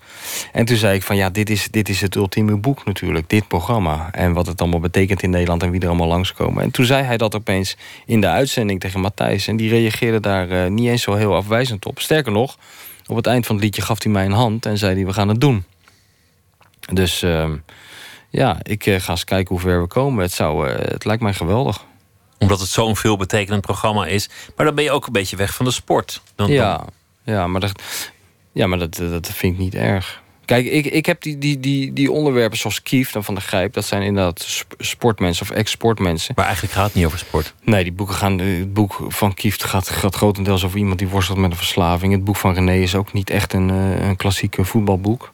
Uh, ze gaan over sport omdat ik nou eenmaal, ja, dat heb ik aan het begin van de, van de, van de avond verteld, heb in die, in die sportwereld ben gerold. Dus automatisch kom ik daar mijn onderwerp tegen. Maar ik zoek altijd naar, uh, naar een goed verhaal. En, en doordat ik in die sportwereld de contacten heb, doordat mijn leven nou eenmaal zo is gelopen, kom ik uit bij voetballers. Maar ik zou ook heel graag een verhaal uh, of een boek over een tv-programma maken. Dat heb ik natuurlijk al een keer gedaan over mijn eigen tv-programma. Of over een politicus of over een onbekend. Ik zou eigenlijk het liefst schrijven over een onbekend iemand nog die ze nog niet kennen, dat je het beeld nog helemaal kan, kan, kan neerzetten. Ja, nou ook omdat heel veel van die uh, zogenaamde BN'ers natuurlijk heel erg geconditioneerd zijn en op hun hoede zijn en zo. Ik heb natuurlijk ontzettend geluk gehad met mijn hoofdpersonen, hè, die ik ook wel een beetje om die reden misschien heb uitgekozen. Uh, zowel, zowel Wim Kieft als René, als de mensen van het tv-programma... hebben mij de volledige, het volledige vertrouwen gegeven. Waardoor die mensen kan worden. Dit is een boek dat gaat over meer dan sport. Het gaat over het leven. Wat is dat eigenlijk leven? Hoe doe je dat? Wat is ouder worden? Waar gaat het bestaan over? Wat is belangrijk? Het is een, een wezenlijk boek, vind ik. De wereld volgens Grijp. Michel van Egmond, dankjewel. Graag en heel veel succes met Dank, alles. Dankjewel.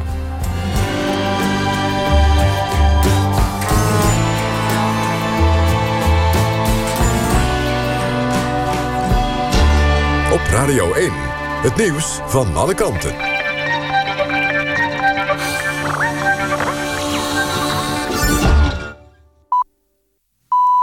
Het is één uur door Almegens met het NOS-journaal. Het kabinet onderzoekt of pensioenfondsen extra tijd kunnen krijgen... om hun financiële reserves op orde te krijgen.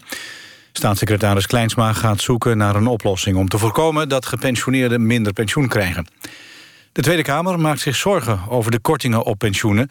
De laatste jaren groeien de pensioenen al niet meer mee met de inflatie... en in veel gevallen wordt er zelfs minder geld uitbetaald. Ook door de lage rente is er minder geld... en dat treft gepensioneerden in de portemonnee. Of er volgend jaar gekort wordt op de pensioenen weet Kleinsma nog niet. Ze hoopt dat begin november te kunnen melden. In de stad Boutsen in het oosten van Duitsland... hebben zo'n 30 jonge asielzoekers een alcoholverbod gekregen. Ook geldt er een avondklok. Aanleiding voor de maatregelen zijn ongeregeldheden. Zo'n 80 extreemrechtse Duitsers en een kleine 20 jonge asielzoekers... gingen woensdagavond met elkaar op de vuist. De afgelopen dagen waren er vaker confrontaties in Boutsen. Die zijn volgens de politie door asielzoekers uitgelokt. In de Europa League heeft Ajax in Athene met 2-1 gewonnen van Panathinaikos. De Grieken kwamen al na vijf minuten op 1-0 voorsprong. Na rust kwam Ajax gelijk door een doelpunt van Traoré. Klaasens miste een penalty, maar Riedewald wist in de rebound alsnog te scoren. Feyenoord stunte eerder op de avond door in de groepsfase te winnen van Manchester United. In de eigen kuip werd het 1-0. Vienna scoorde 10 minuten voor tijd. AZ speelde thuis met 1-1 gelijk tegen het Ierse Dundalk. En atleet Malou van Rijn heeft op de Paralympische Spelen in Rio... goud gewonnen op de 200 meter voor vrouwen. Ze was de snelste in 26 seconden en 16 honderdste. Daarmee prolongeert Van Rijn haar titel. Ook vier jaar geleden in Londen was ze de snelste op de 200 meter. Dan het weer nog. Vannacht trekken buien naar het noorden. Koelt het af tot zo'n 16 graden. Overdag eerst wat buien in het noorden nog. Op andere plaatsen af en toe zon. Smiddags opnieuw buien. In het oosten mogelijk met onweer. En het wordt overdag zo'n 23 graden. Dit was het NOS Journaal. NPO Radio 1. VPRO. Nooit meer slapen.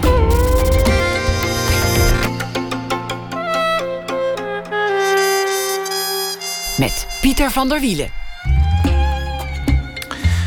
De Chinese kunstenaar en activist Ai Weiwei was vandaag in het land vanwege de opening van een tentoonstelling in Foam in Amsterdam. Zometeen een verslag van dat bezoek. En de week van de Afrikaanse roman begint morgen. We blikken alvast vooruit met Ena Jansen, emeritus hoogleraar Zuid-Afrikaanse letterkunde. En Thomas Verbocht is schrijver en zal deze week elke nacht een verhaal maken bij de voorbije dag. Thomas, goeienacht. Goeienacht, Pieter. Vertel eens. We gaan het niet over het weer hebben, maar ik heb iets anders. Oké. Vanochtend vroeg hoorde ik op de radio een woord waarvan ik meteen enorm wakker werd. Een woord voor een beroep dat op sommige plaatsen in Amerika al wordt uitgeoefend. Het woord is mensenuitlater. Dus je hebt zin in een wandeling te maken, maar wilt dat niet alleen doen... en er is zo gauw geen naast in de buurt die daarvoor zou kunnen voeden... nou, dan bel je de mensenuitlaatservice. En binnen no time staat er iemand voor de deur met wie je dan de straat op kunt. En waarschijnlijk ook de vrije natuur in. In Amerika zijn de kosten 7 dollar voor anderhalve kilometer. Dat ik best een fors prijskaartje vind. Maar waarschijnlijk valt daarover te praten. Zelf ben ik iemand die het liefst alleen wandelt. Maar daar heb je het weer. Soms denk ik dat ik in gewoontes hang die onderhand nogal beperkt en soms ook beperkend zijn. En als ik nu mensenuitlater word, sla ik twee vliegen in één klap.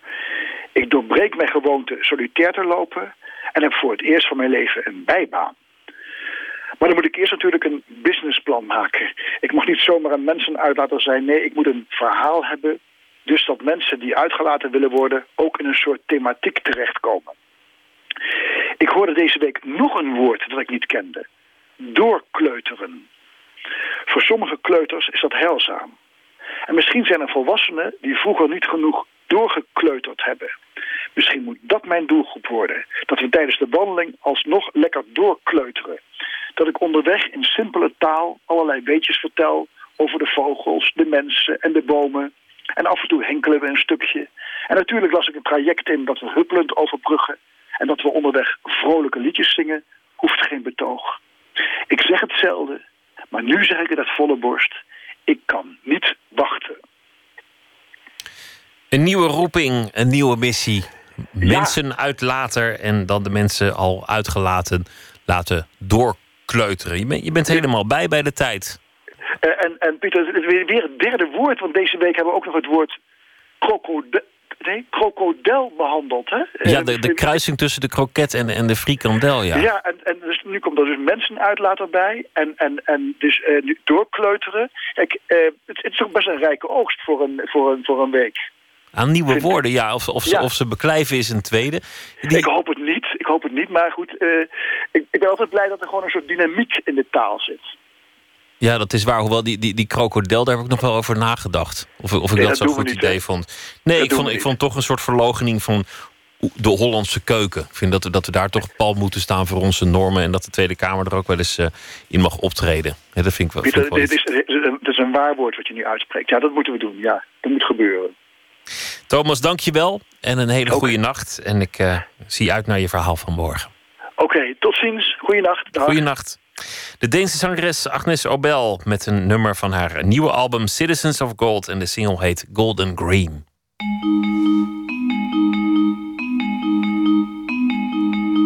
All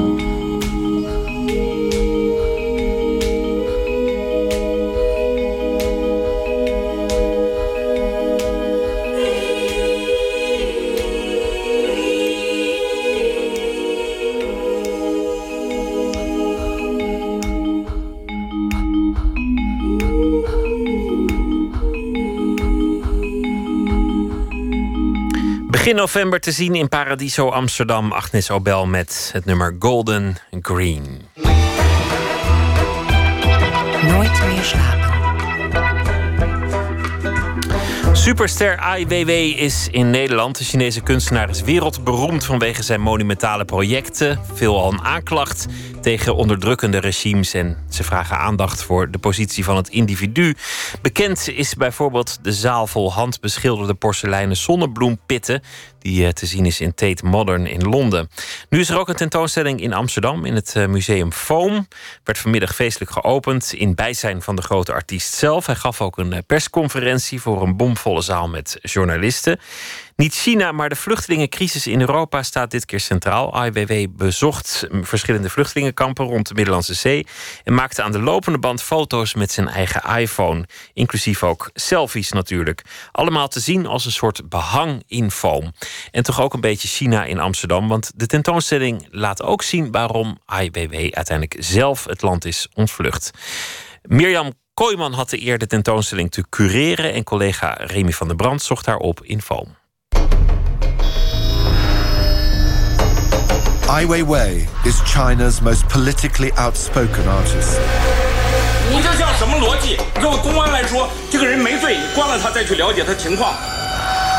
If you question about the communist authority, or if you're questioning basic human rights, then you're not free. His work is admired and acclaimed throughout the world. We meet a man pioneering in his art and fearless in his politics. Hij is iemand die heel ontzettend rustig overkomt. Hij praat ook een beetje zacht. Nee, hij is niet iemand die, die maar doorratelt. Het is iemand die ook alleen, denk ik, iets zegt als hij het nodig vindt om iets te zeggen. Of ook weet wat hij erover te zeggen heeft. Ai Weiwei is, to my mind, the most significant Chinese artist that certainly we are aware of in the West. He's articulate, he's passionate, he goes to the edge, he's unafraid of criticizing the politics and the situation in his own country, nor indeed is he afraid of criticizing Western capitalism in some way either. He is a unique figure.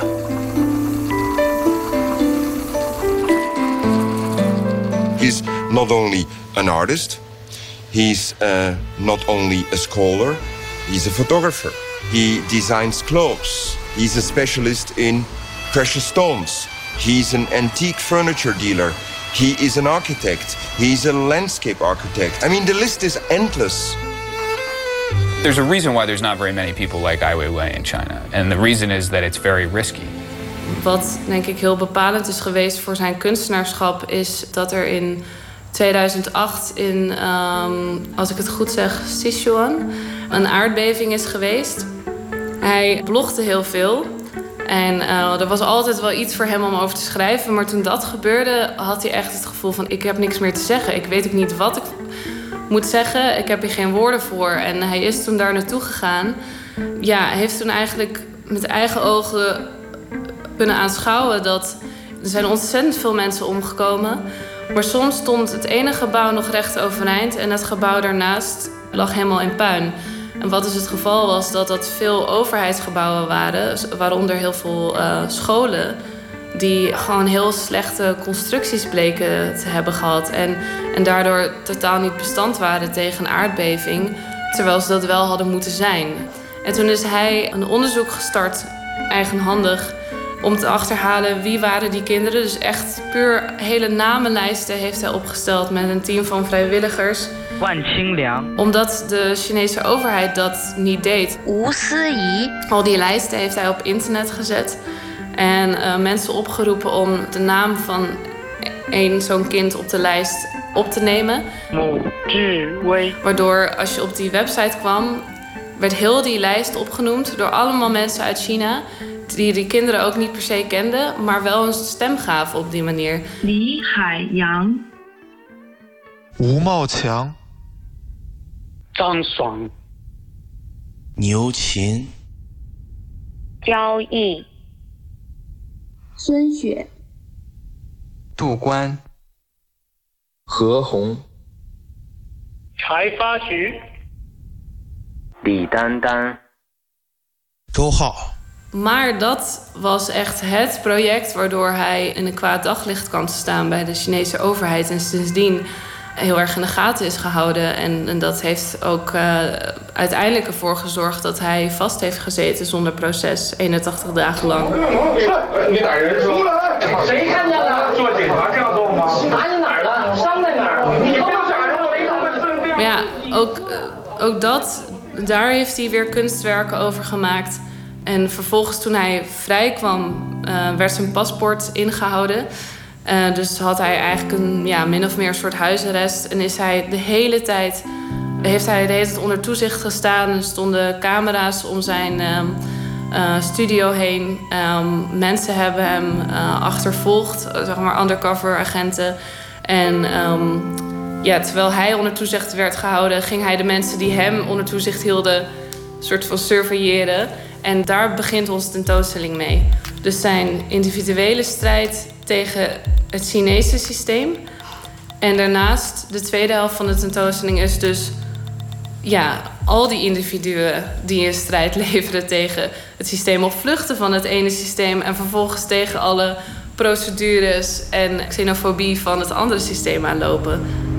According to Chinese state media, I was released on bail after confessing to tax evasion and because Le he has a célèbre dissident chinois Ai Weiwei a été libéré libre, sous pero muchas preguntas siguen sin respuesta. Sorry, I can't.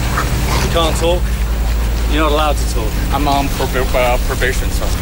And what about uh, the police saying that you admitted your crimes? I, I cannot talk. I'm so sorry. Okay. Please understand. Thank you so much. And what about the conditions you were held under? Did you say anything about that? Were you okay? I'm fine. I'm, I'm perfectly fine. Your health.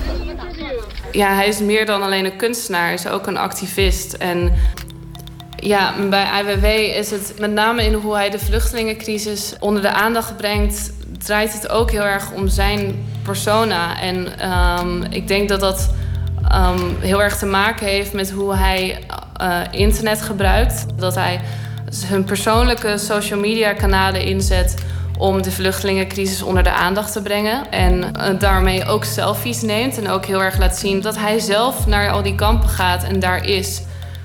Ja, het heeft hem ook al veel kritiek opgeleverd. En, en soms. Wat is de kritiek dan?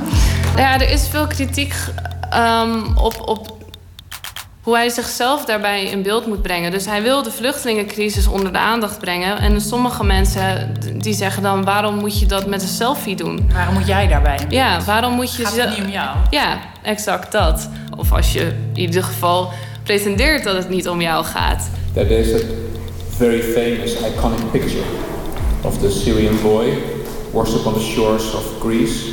It had an immediate iconic status, perhaps. And you, in a sense, recreated that picture as trying to identify perhaps with the boy and taking its place. Um, on social media, there was also some criticism uh, on you doing this. Yeah, I mean, victim pornography was one of the uh, things I read. What? Well, to, to, it's almost a pornography of the victims. Um, how does this affect you? I mean, being so involved with these people and with the crisis, to read something like this. Uh, first, I don't read because I read take too much time, and uh, and uh, it doesn't affect me at all. Except I I feel oh certain forms can really affect people. As artists, we don't see this any taboo or whatever the form. You know, uh, we tr- trust our intuition. And at that time, I don't even know that that that image is famous or well known. Later, much later, I realized that's a turning point. People start to pay attention only because of boy. But as I understand, every day there's two boys drawn. You know, where's other boy? Why, where's that over 1,000 boys or girls? So you can see how media look at things and how they want our fix our mind into something which is absolutely mad. And uh, I, you know, I'm addicted to anything. I don't really think uh, what is really wrong with that photo, uh, except someone may I, I can't even guess what what's really going on there. So uh, for me, I only can say, um, Ga je nog iets leuks met hem doen als hij hier is? Ja, nou ja, wie weet. Als het, als het kan. Nou ja, waar, waar ik gewoon persoonlijk ook benieuwd naar ben, is. Kijk, we zien de foto's, maar ik ben benieuwd naar wat voor interactie hij echt heeft met de vluchtelingen. En ehm, ja, wie weet eh, is er ook nog mogelijkheid dat hij ehm, vluchtelingenopvang in Amsterdam zal bezoeken. Ik bedoel, het zijn allemaal persoonlijke ontmoetingen die hij aangaat. Maar wat voor manier, wat zegt hij tegen ze? Hoe communiceert hij met ze? En hoeveel tijd neemt hij ervoor om de persoonlijke verhalen van al die mensen te horen? Ik ben wel benieuwd.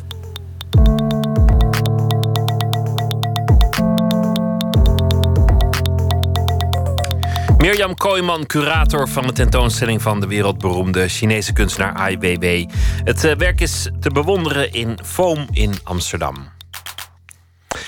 Doorgaans is hij zanger van een Belgische groep, Balthasar. Maarten de Volder heb ik het over, maar hij heeft nu ook een ander project, Warhouse. En het is een beetje duistere, grote stadsmuziek.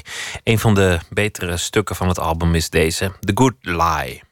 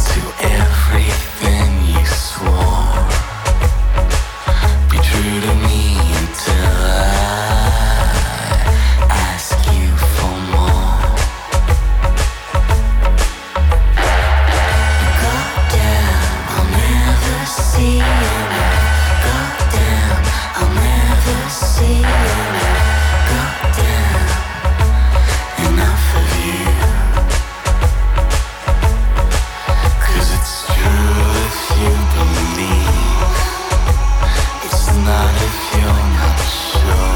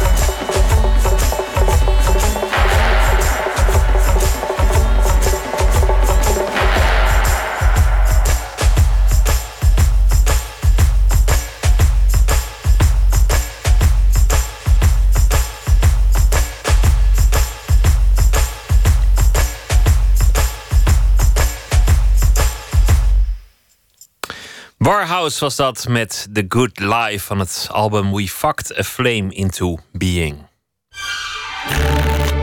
Open kaart. 150 vragen over werk en leven. En zo bepaalt het toeval mede hoe het gesprek zal verlopen. De gast is Ena Jansen, emeritus hoogleraar Zuid-Afrikaanse literatuur in Amsterdam. Wordt gezien als ambassadeur voor Zuid-Afrika en de literatuur van het land in het algemeen. Morgenavond begint uh, de Week van de Zuid-Afrikaanse Literatuur. En er is ook een uh, nieuw boek, Bijna Familie.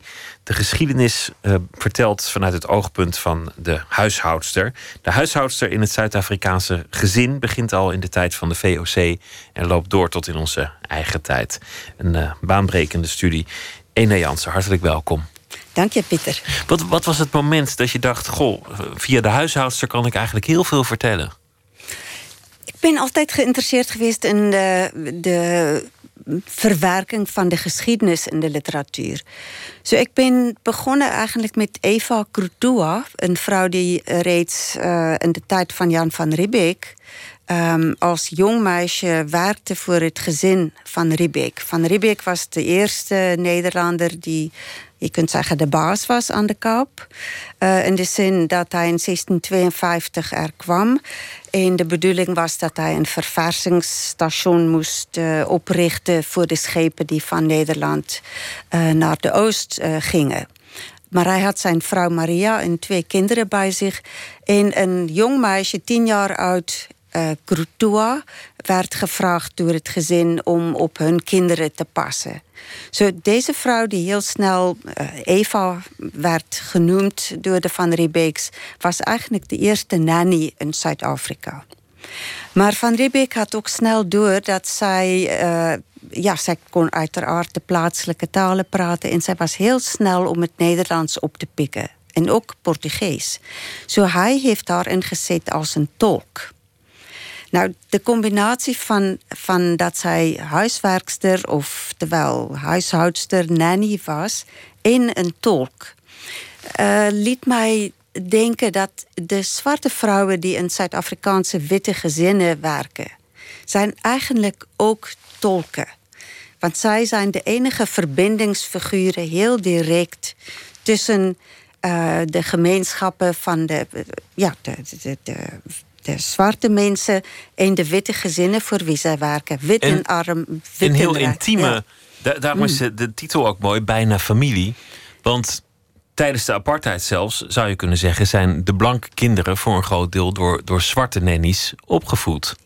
Precies. En heel de, de uh, kinderen zeggen ook later... zij is als een moeder voor mij geweest. Zo een tweede moeder. Uh, maar de, hun band was vaak heel, heel intiem. Uh, heel vertrouwd. En, maar het was ook een ongemakkelijke band. Want witte kinderen wisten dat je ook niet al te veel mocht houden van zo iemand. Um, so je, je werd ook in, de, ja, in een soort afstand... was al ingebouwd in een relatie die heel veel intimiteit, verbindenis kende, vertrouwdheid. So, dat sprak mij ook aan uh, in verband met deze vrouw als uh, zwarte vrouwen die werken in witte huishoudens, die, die eigenlijk voortdurend in een positie zijn van de vertrouwdheid, maar ook uh, als familie. Worden beschreven als zij is als een zus voor mij, zij is als een moeder voor mij. Maar dat woordje als, of bijna familie. Daar wringt het. Want uiteindelijk gaat ze uh, met kerst of in de vrije week terug naar, naar de eigen omgeving, die heel anders is. Het gaat ook over seksuele relaties die natuurlijk hebben plaatsgevonden. Uh, over heel veel andere dingen, soms ook hele vrolijke verhalen. Maar je bent op zoek gegaan naar alle teksten die je kon vinden in de literatuur. die iets zeggen over de huishoudster of de nanny of de, of de meid. Ja, je moet soms uh, je moet echt uh, met, een, met een loop uh, door de Zuid-Afrikaanse literatuur gaan. Want, want je weet dat volgens de codes van realisme moet er wel voor de grootste gedeelte van de 20e eeuw in ieder geval moet er achter een bepaalde deur, een huis, zal er een zwarte vrouw zijn. Maar je gaat ook dan kijken, of dat wilde ik zien, hoe de schrijver zo'n persoon zou inzetten of helemaal buiten het verhaal laten. Het gaat mij ook om hoe zij gerepresenteerd wordt in verhalen. Uh, uh, in de, ja, ik gebruik een term van een man, Stuart Hall, uh, die het heeft over een cyclus van representatie, cycle of representation. Dus hij wordt uitgebeeld en dat heeft dan effect op, op de beeldvorming. Bijvoorbeeld, ik kijk naar, naar een jeugdboek, een, een, uh, de Maasdorpboeken, waar een heel bewonderenswaardige Joop ter Heul-achtige uh, meisje de hoofdrol heeft. En zij en haar rijke ouders leven hun luxe leven dankzij de bedienden. En, maar het verhaal wordt zo verteld dat jonge lezers gewoon zullen lezen... oh, je moet een mooi huis en oranje zicht hebben... en om succes te hebben moet je ook een stoet bedienden... Uh, moeten voortdurend klaarstaan... dan kun je ook een leven leiden met, uh, zoals Kobe Malan leidt. Ik ging zoeken... Um, de bedienden hebben een piepklein rolletje in zo'n jeugdverhaal. Maar juist daar um, lees ik, zie ik eigenlijk hoe Zuid-Afrikaanse lezers ook geconditioneerd zijn uh, als wit kind om te denken, nou, sloofwerk, som moeilijke, uh, vervelend werk wordt wel opgeknapt. En hoe, dat is hoe normaal het ja. werd en, en hoe het gezien werd. Um, het, het, is een geschiedenis van, van Zuid-Afrika vanuit één invalshoek, maar ook van de literatuur. Je, je krijgt een, een, een, beeld van allerlei uh, teksten die zijn geschreven het, het is in die zin eigenlijk een prachtig vizier op, op, op heel veel meer dan alleen maar de geschiedenis van de huishoudster. Ja, want ik, ik zal dan, omdat ik zoek naar de huishoudster, zal ik uh, Jay Mkutse, een van de be bekendste schrijvers.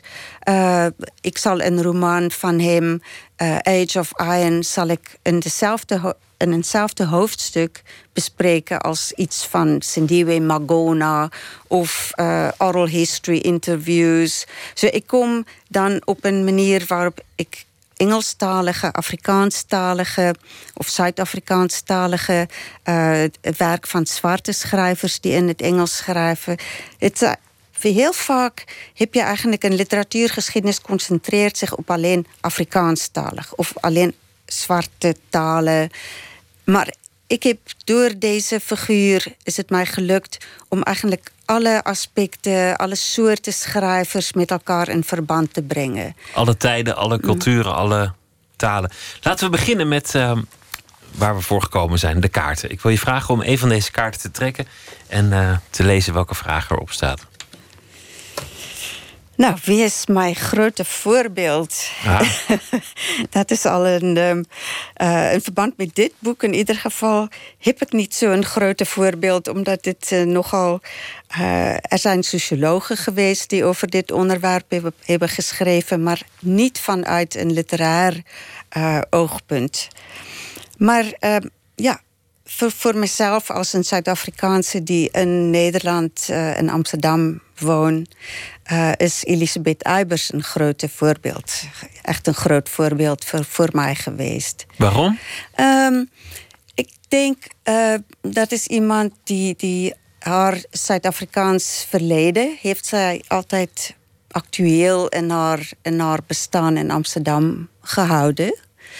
Um, maar zij leefde ook hier voluit. Uh, zij was deel van, van de stad. Deel, zij is 46 jaar van haar leven heeft zij hier gewoond. In 46 in Zuid-Afrika. Um, uh, in het feit dat je, dat je probeert te verwoorden waar je mee bezig bent. En wat je bezighoudt. Dat is, uh, zou ik kunnen zeggen... Uh, daar is een heel groot voorbeeldfunctie voor mij ging als, uit van Elisabeth Eibers. Als Zuid-Afrikaanse in, in Nederland was dat een, ja. een, een, rolmodel voor jou? Ja, en ik heb mijn proefschrift overal geschreven. En uh, dat is ook als een boek gepubliceerd, uh, ook hier in Nederland. Uh, en het heet Afstand in Verbintenis. En eigenlijk is de, de titel Afstand in Verbintenis... had ik even goed voor dit boek bijna familie kunnen gebruiken. Ook omdat het uh, hier gaat over de directheid, dichtbij relaties, maar ook dat jij weet dat er een afstandelijkheid ingebouwd zit. Vanwege de ongelijkheid. Laten we nog een kaart uh, trekken. Ik, ik, doe maar liever van begin tot eind. Vind je dat je genoeg verdient? nou, dat is een uh, actuele uh, vraag, aangezien ik op dit moment, uh, ik geloof maandag, ga ik heel sp specifiek met emeritaat. So ek dink dan gaat het uh, ineens opvallen dat je minder verdient dan jij waar ik aan. Dan in het werkende leven. Ja, ja. ja. So, um, op dit moment, vandaag nog op de 15e september, voel ik dat ik genoeg verdien. Um, volgende week heb ik veel meer vrijheid. So dat uh, kost uiteraard is heel veel waard. Dat is ook wat waard, zal, ja. Ja, precies. Op dat moment zal ik misschien ook denken, ik verdien genoeg. Trek nog een kaart als je wil. Oké. Okay. Op welke vraag had je eigenlijk gehoopt? Um, ja, nou, wat zou dat nou zijn? Uh, misschien, ik merk de afgelopen tijd dat mensen mij vragen of jij uh, ook een. Ga je iets nieuws schrijven? Uh, het is niet dat ik zit te wachten op zo'n vraag, maar ja, ik ben, ik ben uh, uh, aan het denken om een brievenboek van brieven die Elisabeth Eibers heeft geschreven in haar leven. om zo'n boek samen te stellen. Een correspondentieboek? Ja, een correspondentieboek. Um, ik ben altijd geïnteresseerd, merkte ik ook met bijna familie, in de, de, ja, de alledag. De, de, wat voor kennis van een tijdperk eigenlijk vervat is uh, in hoe jij jouw dagelijkse leven leidt. Uh, mensen hebben het vaak over een soort depository of knowledge. Um, voor bijna familie waren allerlei uh, brieven, zelfs ook dagboeken, autobiografische vertellingen, waren voor mij bewaarplekken van de omgangsvormen de manieren waarop uh, in een huishouden uh, relaties beslecht werden. En evenzeer ik, heb ik nu al bijvoorbeeld bij Elisabeth Eibers in haar brieven gezien tussen haar en haar moeder. Dat de moeder zou zeggen. Ja, hebt, ja, jij schrijft dat jouw bediende weg is. Um, ik zal de zus van mijn huidige huishoudster vragen of zij niet naar jou wil komen. Weet je, zo dat zijn van die hele typische kleine details uit uh, hoe mensen omgingen met elkaar. En ja, hoe, hoe zo'n zwarte vrouw eigenlijk ook van hot naar her gestuurd werd op uh, initiatief van, van een witte vrouw. Maar ook erg belangrijk is om te weten dat zwarte vrouwen ook heel veel initiatief namen. Mensen hebben het over agency, weet je, die, die soort ja, ontsnapping soms aan een, uh, aan een verplichte uh, huwelijk op het platteland. En zij ontsnapte vaak naar de stad dankzij haar werk bij een gezin, bij iemand als Elisabeth Eibers in Johannesburg.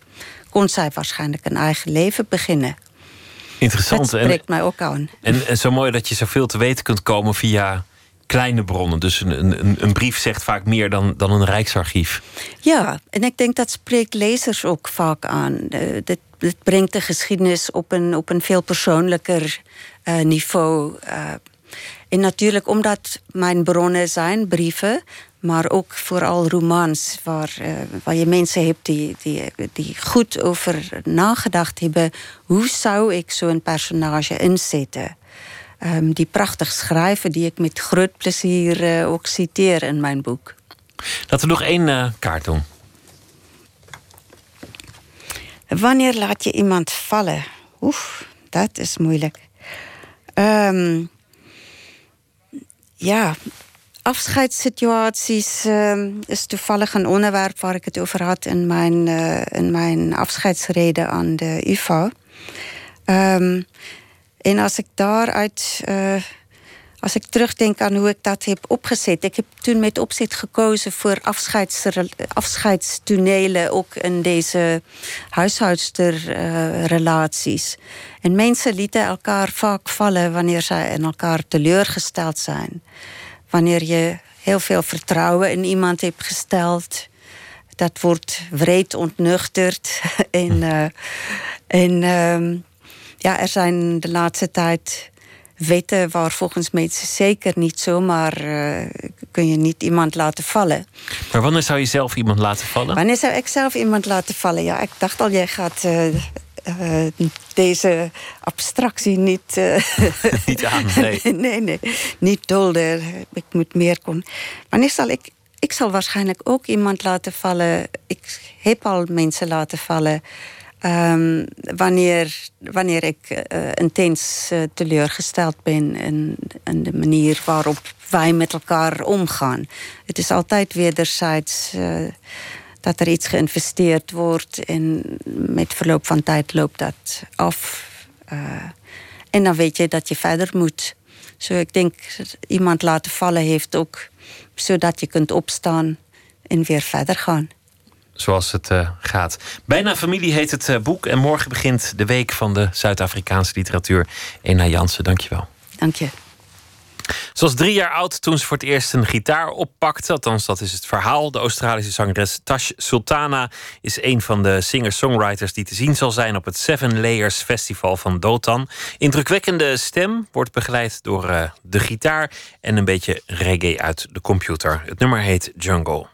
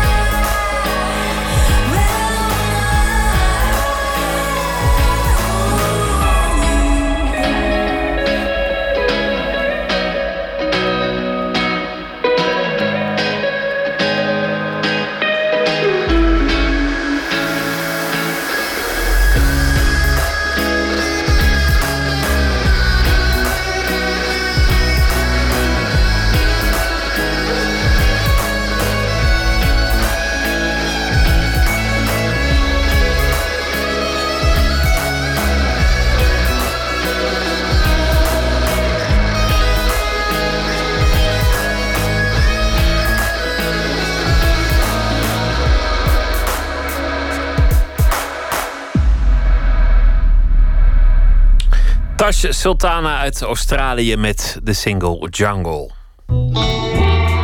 Nooit meer slapen.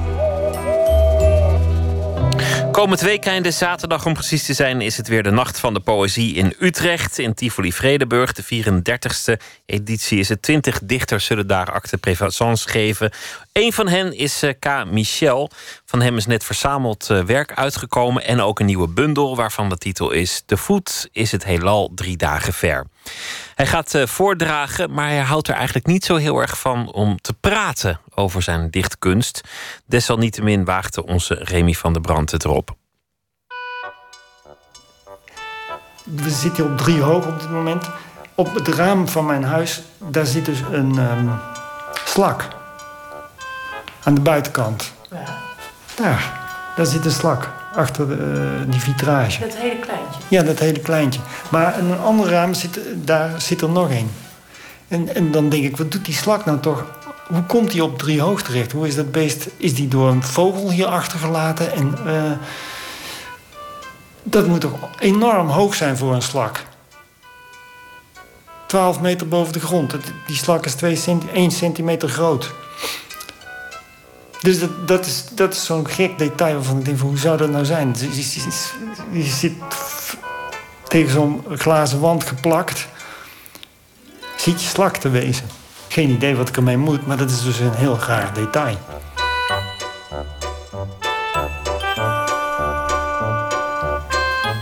Dat kan echt van alles zijn dus. In principe kan alles kan triggeren. Bij mij wel, ja. Bij mij kan alles triggeren, ja. Bij mij gaat eh, schrijven altijd over sprekende details. Eh, en als je het hebt over triggeren, iets loslaten of, of dat iets los wordt gemaakt, dan is dat altijd een sprekend detail. En niet iets groots. Ik heb een gedicht geschreven dat zich afspeelt bij een supermarkt. Dat is de dialoog tussen twee eh, daklozen bij de supermarkt. Hier in de Safati-straat in Amsterdam. De ene was een eh, magere mevrouw met eh, eh, wit haar.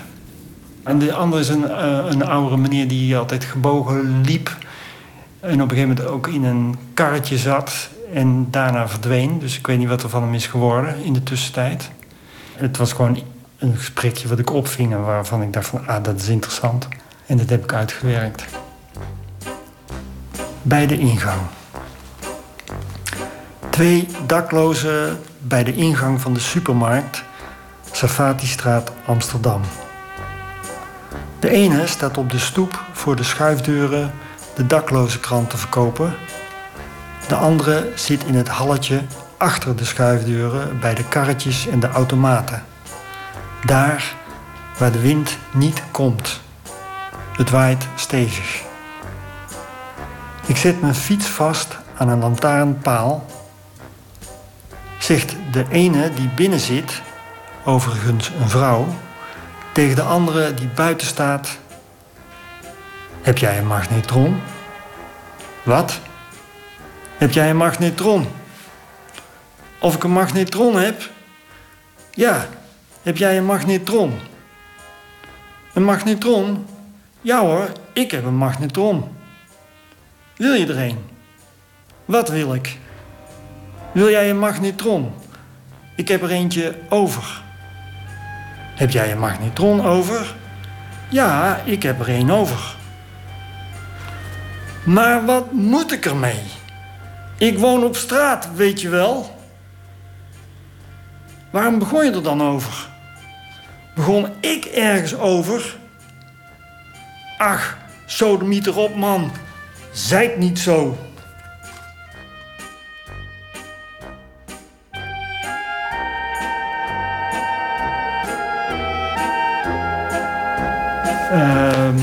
Er was bijvoorbeeld ook, ik heb ook eens een keer iets over een plek geschreven. Dat was dan de Hofvijver. Die bestond zogenaamd 700 jaar. Dat weet je niet helemaal precies wanneer die vijver eh, is ontstaan. Het water van de Hofvijver komt namelijk uit de duinen. Via een soort ondergrondse eh, waterloop of zo. En een ehm, oude dame in Den Haag vond het nodig om eh, het 700-jarig bestaan van de Hofvijver te vieren. Dus dat ze een manifestatie georganiseerd met beeldende kunstenaars en schrijvers, dichters. die dan de hofvijver zouden belichten. En die mevrouw, eh, ik meen dat ze inmiddels overleden is, was al in de tachtig geloof ik. Die heette Hermanse Schaapman. En die was eh, bijzonder indrukwekkend, al, ook al door de telefoon, want die had zo'n soort stem. Uh, met Hermanse Schaapman. En, dan durfde je al geen nee te zeggen. Dus ik heb uh, een gedicht geschreven voor de Hofvijver. Je hebt eigenlijk een gedicht geschreven voor haar dus? Tuurlijk, want ik bedoel, als, zij, als zij niet had aangehouden, dan had ik dat niet gedaan. Want dat kan mij de Hofvijver schelen. Ik woon niet in Den Haag. Kijk, als ik zelf ergens op stuit, dan heb ik mijn eigen motivatie om het af te maken. Ik maak iets mee en dat is de reden om het uh, te schrijven en af te maken. Maar als, er, als, als iemand zegt van wil je zus of zo, dan denk ik ja, ja, ja. Dan moet je zelf het motief verzinnen waarom je het überhaupt zou doen. En dan kan het een tijd duren en dan halverwege verlies je, verlies je de moed en dan is er weer iets anders. Maar nu was mevrouw Hermans de reden om het af te maken. Ook de vissen. Zou je de Haagse hofvijver overeind zetten rechtstandig als een majestueuze wand van water om het licht de diepte te laten doorstralen, om de stad een doorzichtige spiegel te bieden. Een oud gouden glans zou over de huizen strijken. En iemand roept als eerste: Kijk en wijst. Toeterend komt het hele verkeer tot stilstand. Abrupt worden alle vergaderingen opgeschort. En de straten vullen zich met ogen en geroezemoes.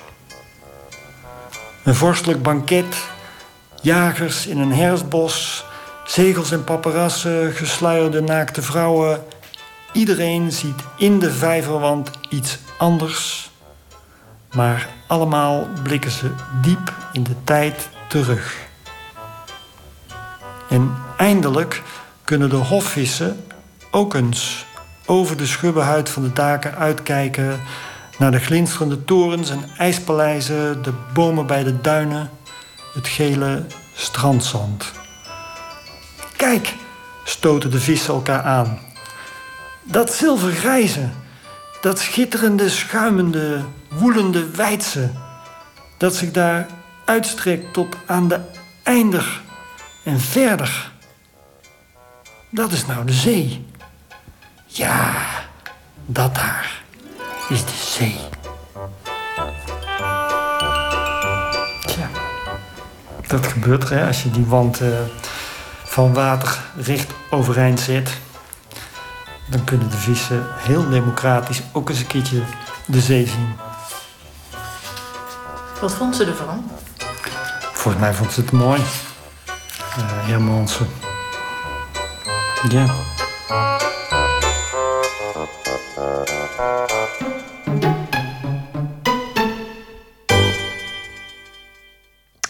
K. Michel in gesprek met Remy van der Brand. En komende zaterdag is de Nacht van de Poëzie in Utrecht. De Amerikaanse zangeres Mavis Staples loopt al heel lang mee. Ze is 77 jaar oud en in 2015 bracht ze nog een EP uit, geproduceerd door de soulzanger Sam Little. Oer-gospel uit de goede tijd, maar met een uh, eigen tijds geluid. Het nummer heet Your Good Fortune. Why did you spend your good fortune on? Why did you spend your good fortune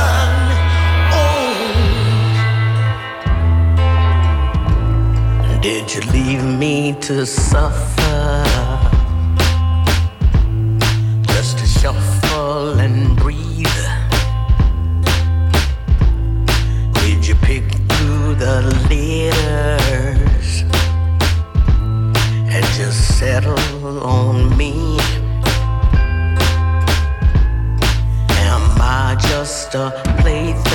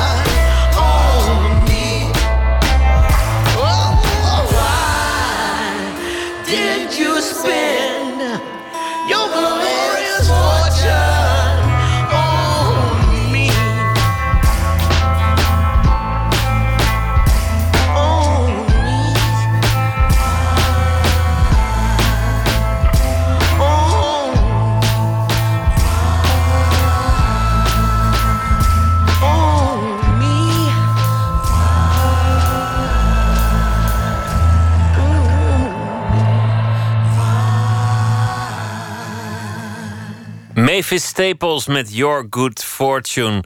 Morgen in Nooit meer slapen, dan zit hier Esther Naomi Perquin... en die gaat in gesprek met Harro Kraak. Hij is redacteur van de Volkskrant, schrijft over media, populaire cultuur en literatuur...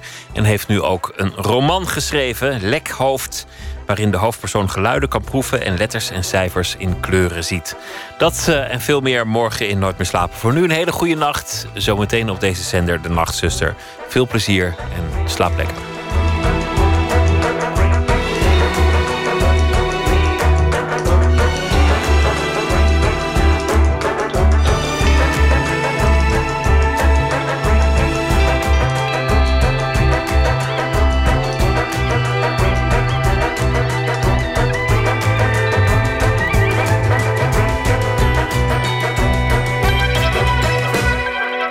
Radio 1, het nieuws van alle kanten.